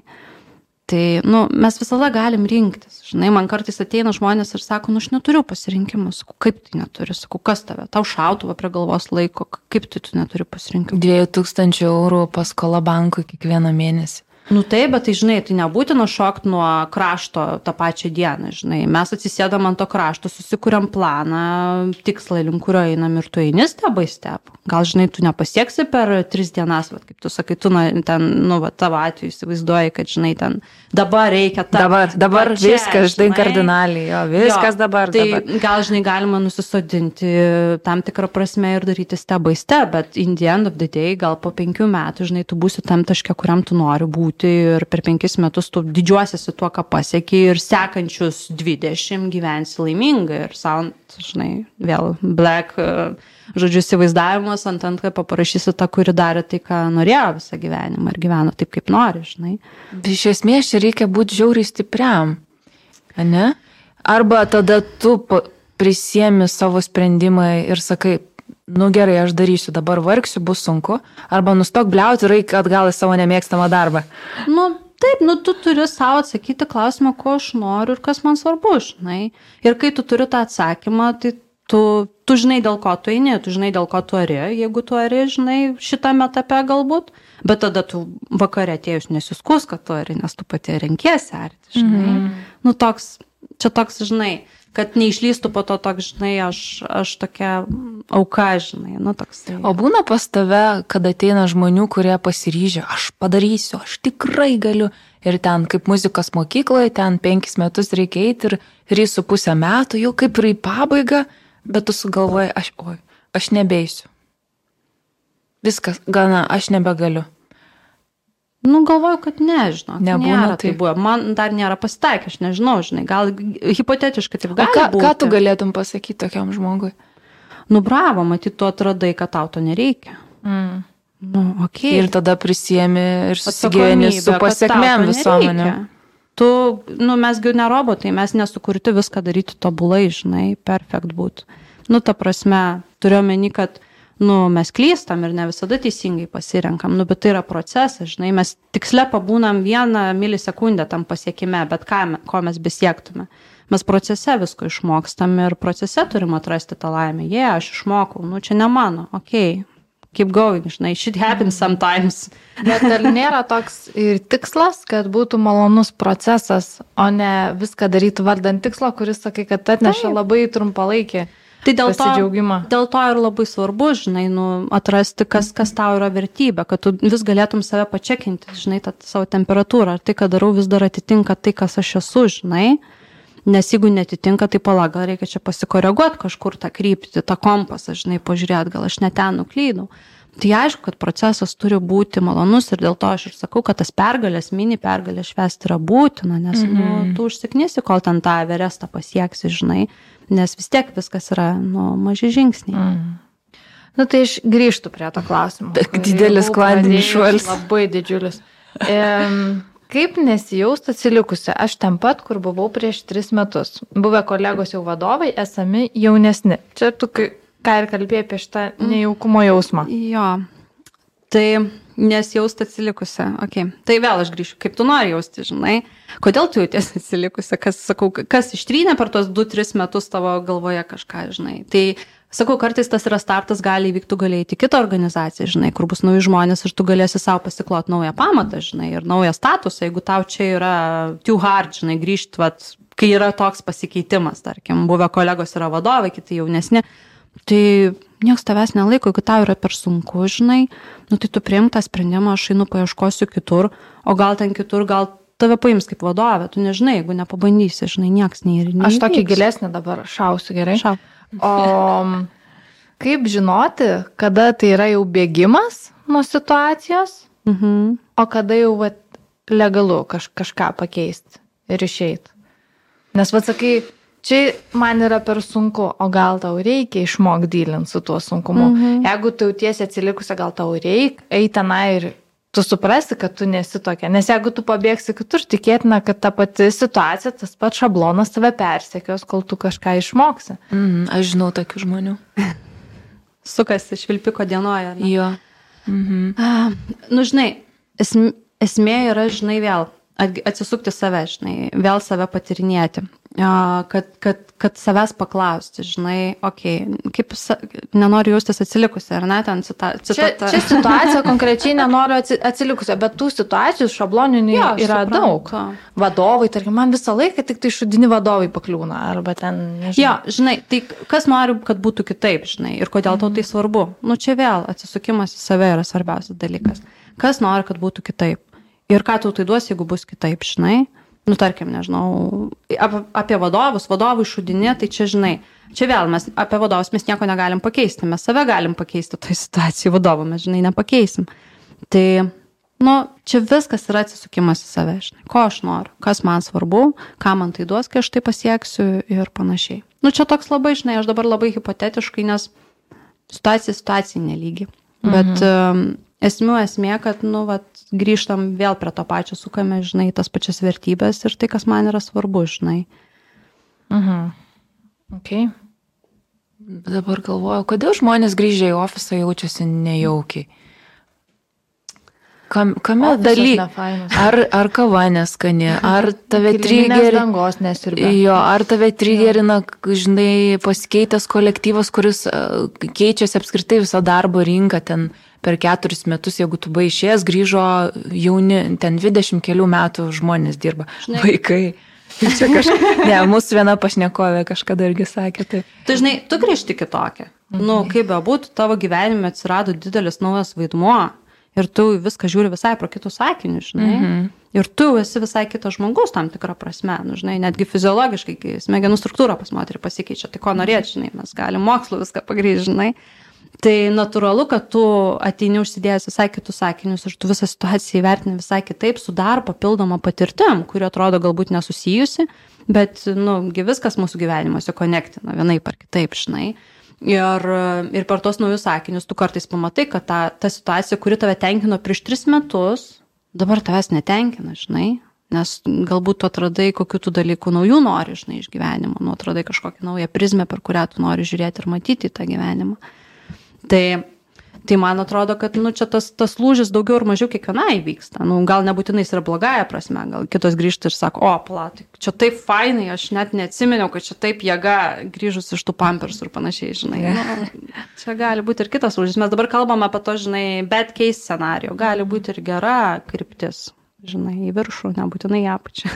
O būna pas tave ateina, sako, nu žiauriai fainai, geras darbas, gerus pinigus moka, nu bet, nu kažkaip ne taip, nu nežinau, kažkas, ar gal ne tą darbą darau, nu bet viskas lyg ir normaliai. Ar čia išpizdėjimas jau yra, ar tu tiesiog, nu, jau tiek esi pats, nebežinai, ko tu nori iš to gero gyvenimo, aš čia labai šaržuoju, taip, taip žinai. Taip. Bet ar būna tokių atvejų irgi? Žinai, dažniausiai žmonės yra Eisiu pasavanoriaut, gal kad čia kažkokia paskačiukus, gal geriau pasidarys. Kažką tokio. Žinai, dažniausiai žmonės jau ateina tokioj gilesniai kriziai. Tokie mm. pirminiai pamastymai būna pačiam su savimi ar su savo draugu, žinai, jau pas mane ateina, kai jau nebežino, ką daryti, žinai, nu, jau, jau yra, jau neišsikapsto pats. Mm -hmm. Nes, nu, viską, ką mes padarom sesijų ir konsultacijų metu, tai aišku, kad žmogus yra capable padaryti pats, bet kartais tu taip slėpėsi pats nuo savęs, kad, nu, tau nepavyksta. Tai dažniausiai būna tokie aštresni klausimai, o ne tokie pamastymai. Čia mane iki galo gerai, bet nežinau kas, nu, nes, nu, žinai, to, tokį galima ir prie laužo su, su, su draugė išsikalbėti, žinai, o, o ne ateiti, tarkim, pas specialistą ir skirti tam, žinai, savo pinigus ir laiką. Nu. Nu, žodžiu, neikit pas Aurelė su savo pezalais, reikia Ne, rimtais eik, viskas klausimais. gerai. Uh, žinai, kas vienam yra pezalai, kitam yra rimti klausimai, žinai. Mm -hmm. nu, tarkim, tų klausimų, tai dievoži per sesijas, tai iš viso aš iš- išgirstu tokių, nu, nes mano pirmas klausimas atėjus į sesiją žmogui, kuris atsisėda prieš mane, žinai. aš visų pirma atsisakau visų jūs, sakau tu ir Mhm. man sakyk tu ir aš tau sakysiu tu, nes nu, mes čia kalbam žmogus į žmogų, žinai, o antras klausimas būna, žinai, kokį tu klausimą atsineši į sesiją. Mhm. Ir tai būna nuo A iki Ž, žinai, nuo pasitikėjimo, nuo santykių su mama, nuo noro, nežinau, galbūt pats toks netikėčiausias paskutinis buvo, kai moteris atėjo, sako, aš noriu pasirašyti e, išėjimą iš darbo pokalbį, žinai. Ir man neišeina, aš straglinu. Aš nežinau, ką aš noriu pasakyti, bet man tai žiauriai svarbu, žinai. Mhm. Nu, va, toks visiškai, kur atrodo, tai k- Geras keisas šiaip. kodėl Jo. tau neišeina? Labai, labai. Žinai, Nes kas nu, ruošiesi pokalbį į darbą, ne. Jo, nu tai va, žinai, čia va toks visai kitas, žinai, tai, nu, kartais sakau, mes kartais, kartais, nu, negirdim savęs ir tada reikia žmogaus tokio veidrodžio kaip, kaip aš ar kažkoks kitas specialistas, kuris tave atspindi, nes vienas iš, vienas iš mano vaidmenų įgarsinti tą žmogų, žinai, leisti jam pačiam išgirsti savo žodžius. Aš dažnai kartoju, ką žmogus, žinai, pasako, cituoju praktiškai. Ir tada žmogus taip save išgirsti ir, pala, čia aš tai pasakiau. Bet taigi čia viskas aišku, žinai, kai, kai save išgirsti iš šalies. Tai va. Mhm. Gerai. E, Tada aš iškart šoku prie smėgi, kempininių smegenų. Kaip neprarasti pasitikėjimo savimi, kai grįžti į darbą po vaiko priežiūros atostogų kempininiam smegenim? Tai mes čia kalbėjom, kaip nesijausti atsilikusią, o dabar e, kaip apie tą pasitikėjimą savim, toks vaizdas, kad jis labai labai mhm. krenta. Tu gal jautiesi geriau vienam vaidmenį, o, Taip. o va tam profesiniam, socialiniam. Atitrūksti to. Atitrūksti, jo. Atrodo, kad tas fokusas nusikreipia kitur ir tu ten du ar tris metus save treniruoji, žinai, kaip ten atliepti tolerį, kaip išlaikyti ten e, visus, visus tantrumus ir taip toliau ir atrodo, kad jau kita pusė nebeegzistuoja kartais, ar ne? Aš sakau, labai kartais padeda, nu, grįžti ar ne į tą profesinį, profesinį kelią, truputėlį, žinai, prieš grįžtant į maznysės atostogą, žinai, susitikti su kolegom neoficialioje aplinkoje, pakalbėti, pasimato temperatūrą, kas ten vyksta, kas ten darosi, ar ne, gal paklausyti kokio, žinai, tą temą podcast'o, žinai, sugražinti save po truputį, po truputį vė- vėl pradėti skirti dėmesį ir laiką darbui ir profesiniai temai. Tas tada pa- padeda sumažinti tokį gepą, tą tokį, žinai, nušokimą nuo krašto. Stresas Kai vieną tėvanilis. dieną, žinai, tu esi full time mom, o kitą dieną tu palieki savo verkiantį vaiką darželį, tavo širdis plyšta ir tu dar turi ateiti ir dirbti dabar 110. Performant. Jo, performant, žinai, iš karto nuo pat pirmos dienos, nes tu turi lyg ir atsigriepti. Nu, kažkas teoriškai. Mhm. Dažniausiai mamos taip įsivaizduoja, kiek aš susiduriu. Aš dabar turiu už tuos du metus pasivyti, žinai, nu, vat, kaip ir čia vienam klausimui nuskambėjo, vat, kad buvę kolegos jau yra vadovai. Tai lyg ir mane įpareigoja dabar jungti penktą pavarą ir, na, ir dabar art, kad aš juos pasivyčiau, žinai. Bet klausyk, ar yra apskritai, va tu dabar kaip verdi toj darbo rinkoje, ar yra atskirtis reali? Mhm. Realiai yra atskirtis tarp vyrų ir moterų? Tarkim, vyrų turiu galvoj, kurie jau yra tėvai ir moterų, kurios yra mamos. Ar mes čia tik kalbam gražiai, bet iš tikrųjų yra atskirtis? Nes aš tai manau, kad jinai tikrai yra. Tikrai yra. Yra. Yra faktas, kad yra, nu, nes vis tiek pripažinkim, kad nu, mes gyvenam tokioje visuomenėje ir, ir, ir, ir esam tokioje visuomenėje, kur jeigu vaikas serga, tai prioritetiškai su juo lieka namie mama, nu, nes natūralu tas ryšys yra artimesnis, nu, nes tai yra nu, susiformavęs kontaktas, žinai. Ir kai mes kalbėjom, kad tos karjeros yra sunkiau siekti, taip yra sunkiau. Žinai, bet, bet kada mamos pasidaro nelaimingos, kai jos neįprasmina to, to, to nu, žinai, nu, vat neatsako, kodėl aš lieku, o neišeinu, žinai, o tiesiog tą daro ir tada atrodo, kad aš čia aukojosi, žinai. Mhm. Nu, tu turi savo atsakyti klausimą, kodėl man tai svarbu. Ir jeigu man, aš atsakiau savo klausimą, kodėl man šitame etape taip daryti yra svarbu, nu, tarkim, žinai, mažiau dirbti darbe, o daugiau būti namie. Nu, tai viskas, aš turiu atsakymą, aš juo einu, kai situacija pasikeis, aš irgi O pasikeisiu. jeigu tu nenori likti? Nu, ta prasme, tau, tu supranti, kad tu taip turi, vaikas mažas, ten tarkim, nežinau, tu turi kažkokias tai lengvatas likti. Nu, čia aš dabar Ta fantazuoju. prasme, nenori likti su, su vaiku. Jo, tu nori varyti varyt- lygiai tiek pat, kiek vyras, ar ne?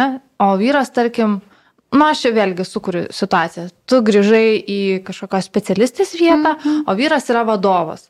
Ir vadovas turi būti vadovas, jis negali ten, žinai, Man reikia būti jis- jam reikia, jam reikia vadovauti, pas yra stresas, mm. -hmm. ten, na, na, o tu esi specialistė, kuri gali, kada nori į kavytės išsivirti, ten Mhm. atsako emailus, patvarko Excelį ir tau leidžia, žinai, būti su vaiku sergančiu daug lengviau. Taip, nu, negu vadovui. Nu. Ir, ir tarkim, jau ta situacija yra neligiavertė. Ar jinai susiklosti neligiavertė per kažkokį laiką? Aš, nu, Aš manau, kad per laiką, nu, tai nuo, nuo, pat, nuo pat senogi va, vadovų ar valdybos narių vyrų yra daugiau sėdinčių prie stalo. Nu, mes šito kol kas dar neišgyvendinom, žinai. Ir tikriausiai tai yra susijęs su Bet, motinyste. žinai, tarkim, tai moteriai yra pyktis, kad blemba, nu, aš ir noriu eiti ir varyti ir siekti tos pozicijos, žinai. Taip vyras jau ten yra, tokia yra situacija. Ir tas pyktis tada, ir tu dar, ir vaikas serga, vaikui visai nereikia tokios emocijos, žinai, iš, iš mamos. Tai tas, man atrodo, krūvis yra labai... Ne, nu tai čia didelis. tie- ties, tiesioginis kelias, žinai, tokį perdėgymą. Visiškai, žinai, kai, kai tu atsikeli ryte ir galvoji, Dieve, kaip išgyvensiu šitą dieną. Tai, nu, planas, planas.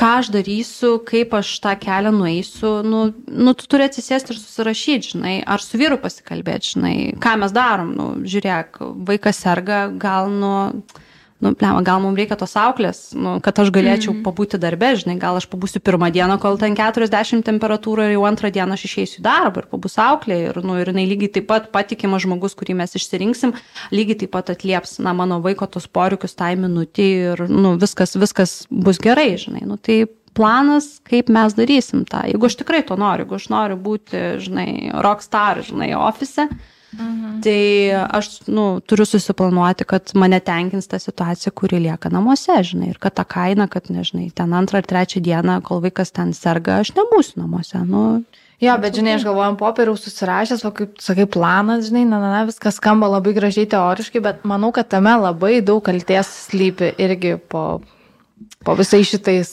Kal, kaltė, tai man atrodo toks šalia visada einantis jausmas, žinai, mamoms. Aš, pavyzdžiui, kai, kai išėjau dirbti, nu, va, irgi gan anksti, bendrai standartais vertinant, ar ne? Mm. Tai um, tokių netiesioginių irgi susilaukiu, žinai, komentarų, nu kaip toks mažas, nu ir aišku, man natūraliai kyla, žinai, toks jausmas, o dieve, tikrai, aš išėjau dirbti, aš, jį- aš jį nuvedžiau į darželį, žinai, o my gatis pusę dienos be manęs, čia dabar bus trauma visam gyvenimui, nu, žinai, toksai, tokia minčių grandinė.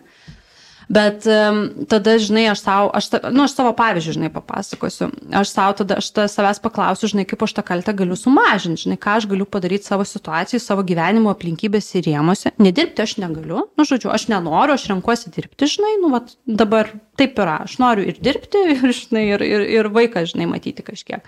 Tai galų gale aš susidėjau savo tokį standartą, kad, va, okei, okay, aš turiu penktadienį, aš penktadienis nedirbu jokią kainą, aš turiu laisvą, aš skiriu jam, aš atiduodu visą save, aš padarau viską, ką galiu geriausiai, žinai, tą dieną.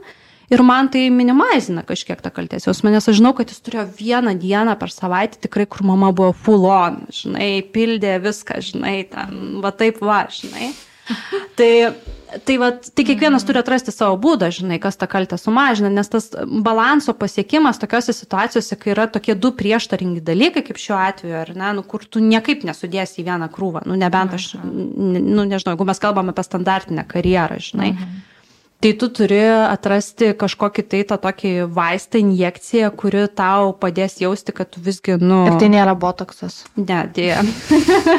kad tu visgi, žinai, nu, atstatai kažkiek tą balansą mm. tarp motinystės ir karjeros. Jeigu renkėsi karjerą šitoje vietoje, žinai. Žinai, man, mes dabar šnekam ir aš šiaip mint, mintyse daug sukas įvairiausių klausimų. Visų pirma, kad jeigu apskritai moteris yra orientuota į karjerą, e, pas mus yra tokių bendruomeniai, labai fainų parašo, sako, mano moto visą, visą gyvenimą buvo, žinai, work hard, play hard. Ir, ir kad ir motinystė tada nu, yra super sudėtinga, iš tikrųjų tai yra sudėtingesnė negu žmonėm, kurie karjerai galbūt turi mažesnės ambicijas arba tai nėra prioritetas. Taip. Ir dar priminė vieną, kad mes siunčiam naujienlaiškius ten kas dvi savaitės, bet siunčiam su visokiais savo atradimais. Mm. Ir buvo apie vieną komikę, kuri susilaukė vaikų ir jos planas buvo tapti namų šeimininkė. Buvo. Tiesiog jinai to norėjo, nes sako, aš pavargau nuo darbo. Bet taip atsitiko, kad jinai gavo aфиgeną pasiūlymą ir jinai pradėjo uždirbti daug daugiau negu vyras. Aš nekalbu šiek tiek, bet ten kalbam apie milijoninės pajamas. Ir jinai darydama savo stand-upą sako, aš to neplanavau. Aš sako, norėjau būti namų šeimininku, o dabar mano vyras sėdi namie ir prašo manęs, kad aš jam naują PlayStation nupirkčiau. tai yra, man, man asmeniškai labai įdomu visi tokie apsivertimai ir aš labai norėčiau vis daugiau išgirsti atvejų, kur tai nėra standartiniai kažkokie pasirinkimai, kaip žinai, mes dabar šnekam apie tos stereotipinės situacijas. Taip, taip. Nu tai, žinai, net, net kai turi labai aišku planą kažkokiai tai, kažkokiai tai konkrečiai situacijai, tai ne visada viskas įsivinioja taip, kaip planavai, bet įsivinioja dažnai netgi geriau, žinai. Čia, Jo. čia galbūt vienas iš tų atvejų. Dabar toks klausimėlis, ar šiaip dviejonės grįžti į darbą rodo, kad metas jį keisti? Ir kokie gali būti kontroliniai klausimai savo? Nebūtinai, nu kaip ir kalbėjau, galbūt tas dviejonės grįžti yra susijusios su to per dideliu gepu ir to jausmu, kad šoku nuo skardžio, žinai, nu, tas baimės jausmas, ar ne, kad aš bijau ir tai yra natūralu ir su tuo reikia pabūti ir pagyventi, žinai. Taip, viskas vėl grįžta į kažkokias senas vėžės, netgi negrįžta į senas vėžės, tai yra naujas kelias, nes aš esu kitokia, nes mano gyvenimo situacija yra kitokia, žinai. Tai pabūti su tuo jausmu, žinai, tas baimės jausmas, it's ok, aš su juo pabūnu, aš savęs paklausiu, iš kur jisai atsirado. Ir kitas dalykas, kokie kontroliniai klausimai savo yra, ar čia tikrai aš noriu keisti, aš tai siūlau sugrįžti ir pasimatuoti dar kartą tą poziciją, žinai, pasižiūrėti tikrai, real, real, žinai, simulatorių. Ar tikrai yra viskas taip ten, kaip aš įsivaizduoju, ar aš gerai prisimenu, ar tikrai manęs dabartiniam taške netenkina. Nu, tas pasimatavimas gali užtekti dviejų dienų, žinai, ir tu pajausi, kad, uf, ne, arba sakysi, o, jėga. Tai pasimatuoti realiam simulatoriui dažniausiai veikia geriausiai tokiuose situacijose. Nu, čia, okay. čia labiau iš karjeros tokio ekspertinio pa, pa, pamatymo, tai dažniausiai tas suveikia, tada duoda tokio žmogaus, žmogiškumo. Jis tada, tada žino, kodėl priema tą sprendimą. Ar mane erzina naujas vadovas, aš ten galiu su juo susišnekėti. Ir aš tikrai ten negryšiu, ar nežinau, nauji kolegos, ar pasikeitusios atsakomybės, o gal viskas kaip tik yra žiauriai fan. Tai matuokitės. Mhm. Iškart nemest, nueiti dar pažiūrėti. Jo, aišku, nes galbūt vėl aš sakau čia apie tos susikurtas baimės, žinai, tamsius, tamsius kambarius, žinai, kur kažkoks baubas sėdi, kurio aš dar nemačiau, bet -hmm. įsivaizduoju, kad jis ten yra, o gal jo ten nėra, -hmm. žinai. Gerai, kitas klausimas labai rimtas. Kokios teisės galioja mamoms darbe po vaiko priežiūros atostogų? Mamadieniai, o kas dar? O kas dar? Ok, tai nu, vienas dalykas, kuris tikrai galioja, tai kol vaikui kanka 8 metai, jeigu darbo funkcijos tą leidžia ir darbuotojas mama šiuo atveju to paprašo, darbdavys e, privalo išleisti dirbti nuotoliniu būdu. Dabar čia naujas darbo kodekso pakeitimas yra, kuris, nu, galbūt supaprastina kai kurios reikalus tevams, ar ne? Valstybinės įstaigos iki, iki trijų metų yra mažesnis darbo krūvis nustatytas, mažesnis etatas, bet čia kol kas tik valstybininkai gali to džiaugtis. Mhm. Ir viskas. Bet atlyginimas irgi to koreliuoja su to mažesniu etatu. Mažesnių krūvių. Ne. Ir čia kaip pri, pri, priedas, bonusas tiesiog toksai, ne? Ne, čia tiesiog viena darbo diena sumažėja darbo laikas, atlyginimas lieka tas pats toks kaip bonusas okay. priedas. Mhm. O jeigu mama grįžusi, pavyzdžiui, nori kažkokių special sąlygų, tai tiesiog kalbėti reikia. Kalbėti. Ne? Taip. Tai gali koreliuoti ir su atlyginimu, kaip Jėva sakė, jeigu kažko nori papildomai. Manau, kad taip. Ok, nu. visko galima gauti, reikia tik pasakyti. Taip, čia toks. Žiūrėsiu. Easy receptas. ne, jeigu nepasakysi, tai tikrai negausi. Šitas tai žinai. Nu, bet kodėl jis manęs to nepaklausė, Aha. žinai, tada. Kodėl nepasiūlė man aukštesnį? Nu, bet jis nieko nesakė, nu nesuprantu, kodėl.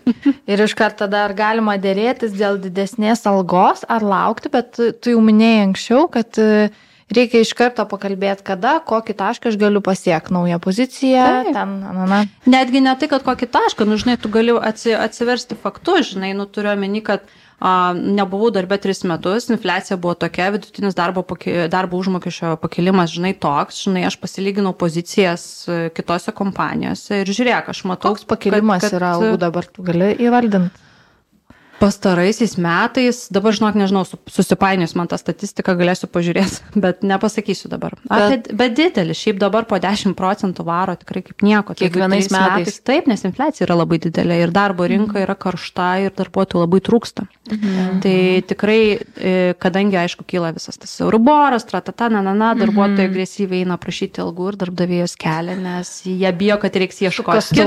Aš tą patys įsivaizduoju, kad kaip per tą blindą, kokį žinai ten eina. Ką, Su nu, deglais žinai, aš kai dirbu su atrankom, tai mm, labai dažna dabar yra situacija, kad e, pasiūlai žmogui darbą ir, na, nu, tarkim, randam tinkamą kandidatą, pasiūlom jam poziciją, sako, amin, žinai, viskas tvarkoja, aš noriu, aš atinu ir jis po dienos paskambina, žinai, ir sako, ne, neteisiu. Man darbdavys pasiūlė, žinai, dar geriau.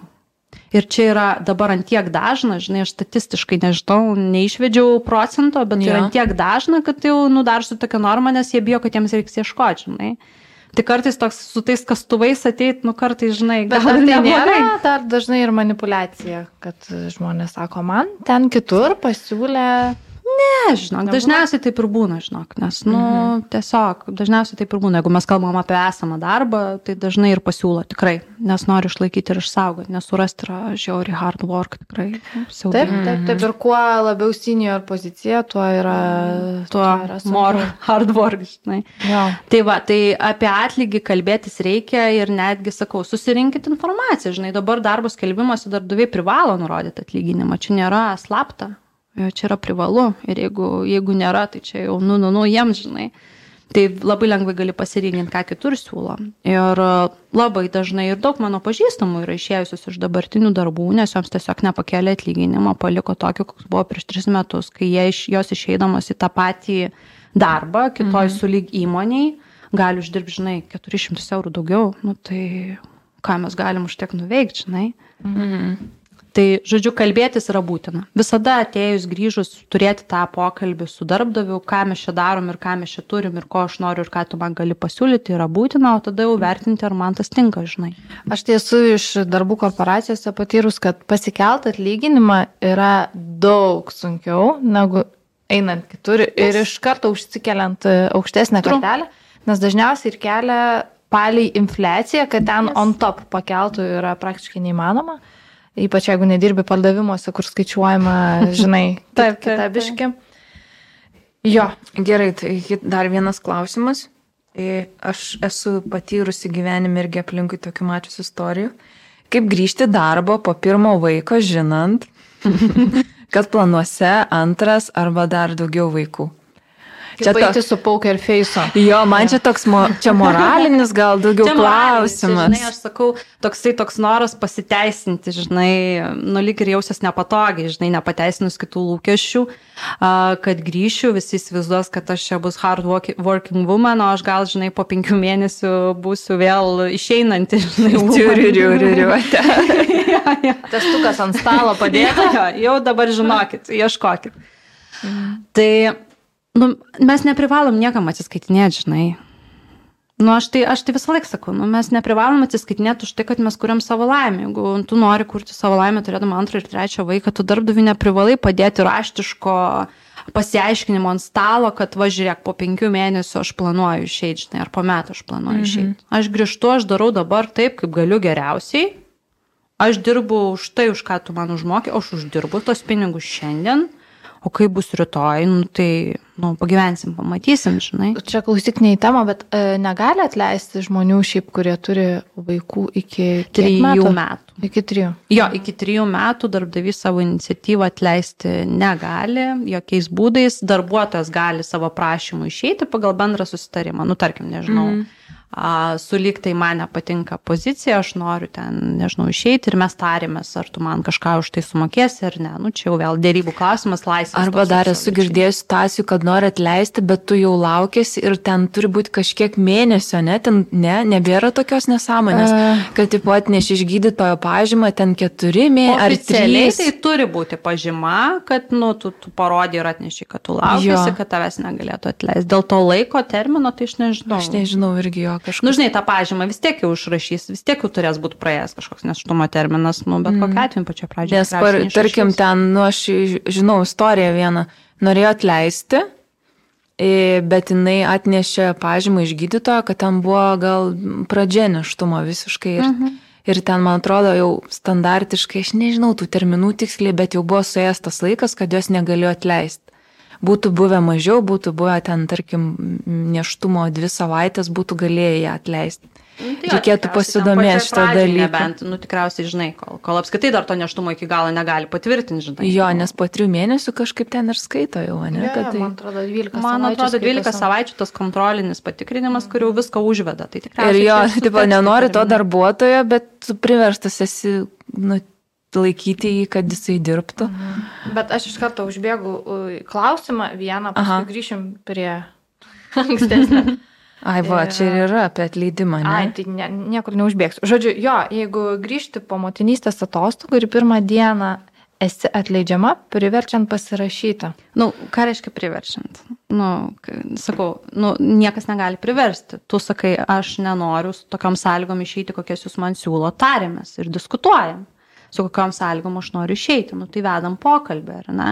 Aš įsivaizduoju, kad čia gali būti tas iš tokių piktųjų darbdavių, žinai, kur kažkoksai, toksai, jo. žinai, va, imk, žinai, nu aš įsivaizduoju, kad ta situacija gali būti absoliučiai nemaloni. Mhm. Ir jeigu moteris jaučiasi, kad ta situacija yra neteisinga sąžvilgių įstatymiškai, nu atleisti tai negali, čia aš taip įsivaizduoju. Jisai prašo, mhm. kad jinai pasirašytų prašymą, kad jinai išeina savo norų, nu aš Ir taip ten sutarė dėl išeitinės, tarkim, pusės metų. Jo, nu tarkim tokio. taip, tai, tai tokiu atveju gali išeiti, nu, bet tada jinai turi teisę dėrėtis, nes turės susidėrėti tą išeitinę. Jinai turi teisę pasakyti savo sąlygą, kiek į tos išeitinės užtenka, žinai. Čia yra visiškai dėrybų. Nustatymo nėra, kokia išeitinė turi būti. Ir jeigu jie niekaip nesusitarė tarpusavį, tai Tai tada reikia? Reikia kreiptis? Kokią institucijas, darbo inspekciją. Darbo inspekcija, ne? Jo. Jo, Tada jo, jau čia... ginčą nagrinėja, jau žodžiu vyksta tas visas nagrinėjimo klausimas ir jau jie priema tada sprendimą, kaip ten kas yra. Dažniausiai darbdaviai tai nenori tokių problemų. Nu, tai aišku, nu, čia, žinai, Tampimasis pirmyn klapatos, atgal, jo. žinai. Mhm. tai dažniausiai susitarė vienaip ar kitaip, žinai. Mm, Jo, supratau. Gerai, ir, ir čia toks biški vainikuojantis. Kaip realiai darbo rinka žiūri dirbančią mamą? Ar yra nusistatymo jų nesamdyti? Ne, Čia nėra. irgi kal, kalbant ne, ne atvirai. Jo, ta prasme, nu, nėra tokio nusistatymo, kad nesamdom būtent mamos. Bet Žinai, ar yra jeigu nusistatymas mama... nepatogus tiesiog žmogus? Mama yra. ateina mama ir neturintis vaikų asmuo. Jo, Kiek jo man bet, bet labai geras pavyzdys, nu, ta jo. prasme, tai nėra pagrindinis faktorius, kuris juos išskiria. Nebent mama ateidama pati save išskiria tuo faktu. Mm. Nu, žinai, darbo pokalbis visas yra apie tai, kaip jinai prašo sąlygų derinti, žinai, motinystę su darbu ir nekalba apie tai, ką jinai gali duoti darbdaviui. Mm. Tai jeigu tu pati užvesi tą temą tą linkmę ir parodysi, kad čia yra tavo fokusas atėjus į šitą darbo pokalbį, tai aišku, kad darbdavys sakys, nu, palauk, kamon, tai jinai nepasakė, ką jinai man gali duoti pasiekti, ką mes galim kartu pasiekti, visą laiką kalba, žinai, ten apie tai, kaip uh, jos vaikas sirgs, nu, žinai. Tu pati uždedi foną, žinai, kaip tu įeisi į kambarį, kaip tu pasirodysi, taip ir atrodys. Tai by default nėra tokios takoskiros, žinai, kad sakytų, va dėl to, kad mama ten, nežinau, negali kažko pasiekti. Aš pažįstu žiauri krūtų vadovių, kurios išeina pačios dirbti ten, nežinau, po trijų mėnesių ir varo ir dirba ir niekas, nu, jos suderina kažkaip. Mm -hmm. Na, aišku, jis moka kažkokią kainą, tikėtina, bet Trys auklės. nu, žinai, ne, ne, gal ir taip, gal ir kitaip, žinai, gal mačiutė jau pensijoje, žinai. Tai, tai, tai turiu omeny, kad by default nėra tokios takos, kurios, kad tai lemtų tokį galutinį sprendimą, nebent pati moteris savai statų į tokius rėžius ir apie save taip komunikuoja. Jeigu tu atėjai į darbo pokalbį, pieši save kaip bazę, Nu, žinai, va, aš mama, čia mano vaikas daug sirgs, tai Aš nieko pakalbam apie... nespėju. Aš nieko nespėju, aš tikrai nežinau, čia žinokit, gal čia, nežinau, man čia gal reikės visada anksčiau išeiti. Ir vat, jeigu yra toks fonas, nu tai aišku, tai bet kokiam žmogui, jeigu pas tave ateitų taip žmogus, tik tai apie tai kalbantis, tai tu irgi sakytum, tai palauk, man, nu tai kaip mes čia dirbsim, žinai. Mhm. O jeigu žmogus ateina ir kalba apie tai, ką jis gali padaryti ir, ir taip, tai yra jo gyvenimo aplinkybė, kuri yra su juo, bet nu jisai mendžina jau už darbo ribų tą gyvenimo aplinkybę, o tu suteiki kažkokią laisvę, kokią gali suteikti ir kitiems darbuotojams, ar ne ten. Nes tiek darbdaviai ieško įgūdžių. Jie... Taip, jie ieško rezultato, kurį gali tu pasiekti, žinai. Aš sakau, kai, kai apie save komunikuoja darbo pokalbio metu, tai darbdaviui netgi nesvarbu, ką jūs veikiat praeito darbo pozicijų, jiems svarbu, ką jūs pasiekėt. Nes kad mhm. sėdėjau ir rašiau dokumentus, tai, nu, nieko nereiškia, žinai. Pala, pala, pala. O jeigu rašai gerai dokumentus Taip, ir, ir, ir gerai. į šitą poziciją ateini irgi tą patį daryti, bet kitoj firmoje. tai ar, ar, ar tai yra blogai? Ne, nu tai rašiau gerai, nu tai vis tiek tai davė kažkokią naudą kompanijai, nežinau, nebuvo kažkokių skundų teisų, nu, žinai, aš galiu statistiškai paremti. Per tą laiką, kol aš dirbau, žiūrėkit, sumažėjo du kartus, ne, nežinau, klientų skundai, nes dokumentai buvo štik paruošti, aš visus visus variantus apgalvojau ir, žodžiu, jie neturėjo prie ko prisikabinti. Dažnai čia tas pasiekimai, mes labai, kaip aš sakau, man dažnai aš sakau, nu tai o ką tu pasiekiai savo poziciją? Ai, nieko, aš nežinau, Bet nieko ne- nepadariau, žinai. Nemoka mane išskirti. Nemokam, absoliučiai, čia yra labai didelė problema ir netgi, nu, mums reikia, man reikia su žmogum labai, nu, taip atvirai pasikalbėti, kad jis truputėlį išsilaisvintų, sakau, tai ko tu, ko tu, ko tu gėdėjasi, žinai, savo užsikabinti medalių už tai, ką tu padarai, nu kaip aš čia save girsiu, nu, kaip, nu, kažkokia nesąmonė, nu, tikrai, nu, nu, ir pokalbės, aš kaip pati vedu darbo pokalbius, tai net ir vadovai kartais būna, nu, pradeda dažnai tokią įžangą, tokį, žinai, amortizuojančią. Nu, aš čia nenoriu girtis, bet, nu, žinai, toksai mm. net ir auk- aukšto rango žmonės susinepatogina. Bet man šiaip įdomu. Čia ar- kultūra gal Lietuvoje tokia, ne? Ar, ar šiaip skiriasi ta po vizą visą ateimo vadovą ir kur ateina žemesnių pozicijų žmonės? Aš čia kalbu apie darbo jau pokalbius. Ar nu, jaučiasi skirtumas? Kažkiek gal ir taip, bet, um, bet kartais ir specialistas ateina su tokiu pasitikėjimu, kad oho, jis visą kambarį pasiruošęs išnešti. Ir, ir prašo, prašo atlyginimo tris kart daugiau nei vadovas. Ne? Taip, kartais būna ir taip, tikrai, kad kartais galvoju, iš kur tie skaičiai tavo galvoje. Bet, bet kaip tu vertini šitus, ar ateina pas tave irgi tokių, nu, nežinau, jau nes, ne apie mamas kalbant, žinai, kit, kitokių. Nauja karta. Nauja, Z. ka- aš žinai dabar bijau net sakyti, kad neižeist ar kažkaip tai neišskirti jų, bet um, mes lyg nekalbam apie tą išskirimą garsiai, Mhm. bet visgi jis kažkoks yra, mes bandom prisitaikyti. kalbė apie kartų išskirimą? Taip, taip. Mhm. Ir e, kaip, kaip tu nuleidi tokius žmonės ant žemės? Bet ar reikia juos nuleisti? Nereikia jų nuleisti. Nu, A, jie, gerai. jie nusileidžia, žinai, per procesą, jie atsimuša į sieną, atsimuša į sieną. Aha. Kažką pasiekia ir nu, jie vis tiek kažkur atsistoja savo kažkokią tai vietą, žinai, kad jauni žmonės nori visko čia ir dabar ir iš karto uždirbti, tai čia yra faktas ir mane tas vis dar stebina. Bet tai kaip sugražinti vad žmogų į realybę? Kaip sakai, jis tik dirbdamas gali tai patirti. Tik dirbamas gali mm Mhm. -hmm. taip patirti, kad, žinai, Ir- per, per metus ten 500 atlyginimo korporacijų, nu, nepasikels, nes sistema taip neveikia. Žinai. Bet vis tiek tą žmogų su dideliu atlyginimu priima dirbti tada, ne? Didesnis nei, pavyzdžiui, penkis metus dirbantis žmogus. Normalios kompanijos tai dažniausiai vis tiek turi aiškias Rėžius, sistemas, mhm. mm. kurių jie negali priešakinėti, žinai. Mhm. Mm. Jie tada gal daro nuolaidas kažkokiose kitose vietose kažkokiems reikalavimams, bet dažniausiai kalbant apie atlygio rėžius, nu jeigu tai yra nu, rimta korporacija, didelė tarptautinė, tai jinai turi sistemą ir viskas. Tokiam leveliu yra tiek, tokiam Mhm. leveliu yra tiek ir mes nieko negalim. Jeigu norim pajudinti, mes turim judinti visą didelį traukinį. Mhm. Ir per kažkiek laiko, ar ne, gal nu, taip, taip. Nu, jie tokie dideli drambliai. Jo, pirmą lygio specialistas, antrą lygio, pirmą lygio vadovas. Jo, ten, kartais, jau kai jeigu mes kalbam apie kažkokias mažesnės kompanijas, kur, žinai, nu, viskas taip, kaip vienas vadovas nusprendė, taip kaip jam šiandien susišvietė. O būna dar taip. Būna, aišku, kad būna. Šimtas procentų akcijų priklauso vienam žmogui, nu ir jisai daro, ką nori. Žinai. Nu, Bet ar nepavojingai pas tokį dirbti? gal ir pavojinga, čia, žinai, priklauso nuo asmenybės, kok, kok, kokia yra tas žmogus. Žinai. Aš mėgstu riziką ir adrenaliną. Ir... var- tą Eloną Maską. jo, jo. Bet Bet čia nu, šita- nušokom žaliu. Jo, bet Aš jau ir pamečiau, koks buvo klausimas. Aš, atvirai. žinok, šiaip jau tu atsakai, bet man šiaip įdomu mm -hmm. apie Nuvažiavo. Liną, kur užvedė apie kartas, apie tą pasitikėjimą kartos ypač Z, kur yra jauni, žinai, arba baigia univerai. Yra. Aš tai jau čia mažiau negu užtuką, tai tikrai nedirbsiu. Ir Jo, jo. šitas super pasitikėjimas, bet aš dabar galvoju, ta vyresnė karta yra labai kaip tik tokia nulenktų galvų karta. Mhm. Ir jiem yra baisus siaubas, čia išpindėję, tikro gyvenimo nematę, tik iš tėvų išeina, jau ten nori iškart milijonus uždirbti. E, Bet ar yra blogai tas pasitikėjimas, kurio lietuviam šiaip iš principo, gerai gal jis nori štuką, negausis iš štukos gal iš karto, bet tas toks savivertė kita, ar tai yra, ar mano klausimas yra, ar į pokalbį geriau ateiti su per dideliu pasitikėjimu ar per dideliu kuklumu? per dideliu pasitikėjimu. Nes, nu, tu, žinai, nu čia, va, tu va, ir palyginai, čia, žinai, ta karta, kur nulenkus galvas, tai yra mūsų tėvai, aš taip įsivaizduoju, -hmm. žinai, mes esam tas tarpinis kažkoks variantas. Nu, Nežinom, kur mestis, į kurią pusę, čia, žinai. Jo, ar čia stabiliai, ar čia užšokti visiems į akis, -hmm. tokie, tai ten, tai ten. O kita karta yra tie šokantis. Nu, žinai, vat, aš turiu brolį, praktiškai 10 metų jaunesnį už mane, nurašėme visiškai pilnai matau, nu, jis dar nėra jau paaugęs, jau suaugęs, vat, kaip tik dabar studijuoja, žinai, ir vat, per visą tą kelią eina, dirba korporacijoje, žinai. Ir aš tą labai jaučiu. Bet Bet, nu, nu, nuvelnės, nu, man tas pasitikėjimas, kai jis man papasako, tai aš taip klausau ir galvoju, kaip tavęs dar neišmeti, žinai. tu šitaip šokį, akis galvoju, how is that possible? Bet supranti, paeina ją. Ir ji pakelia pareigą. Norėjau sakyti, žinai, pastebi, nu, ten, žinai, atlyginimas atlyginimu, žinai, bet, žinai, ji pastebi, jis gauna additional taskų, žinai. Ir jis ten sukasi, žinai, aš klausau, man ausis rausto, aš galvoju, nu, eik tu savo, nu, ta prasme, aš jam, žinai, ir tiesiai šviesiai pasakau, tu, tu, tu, tu jokauji, sakau, žinai.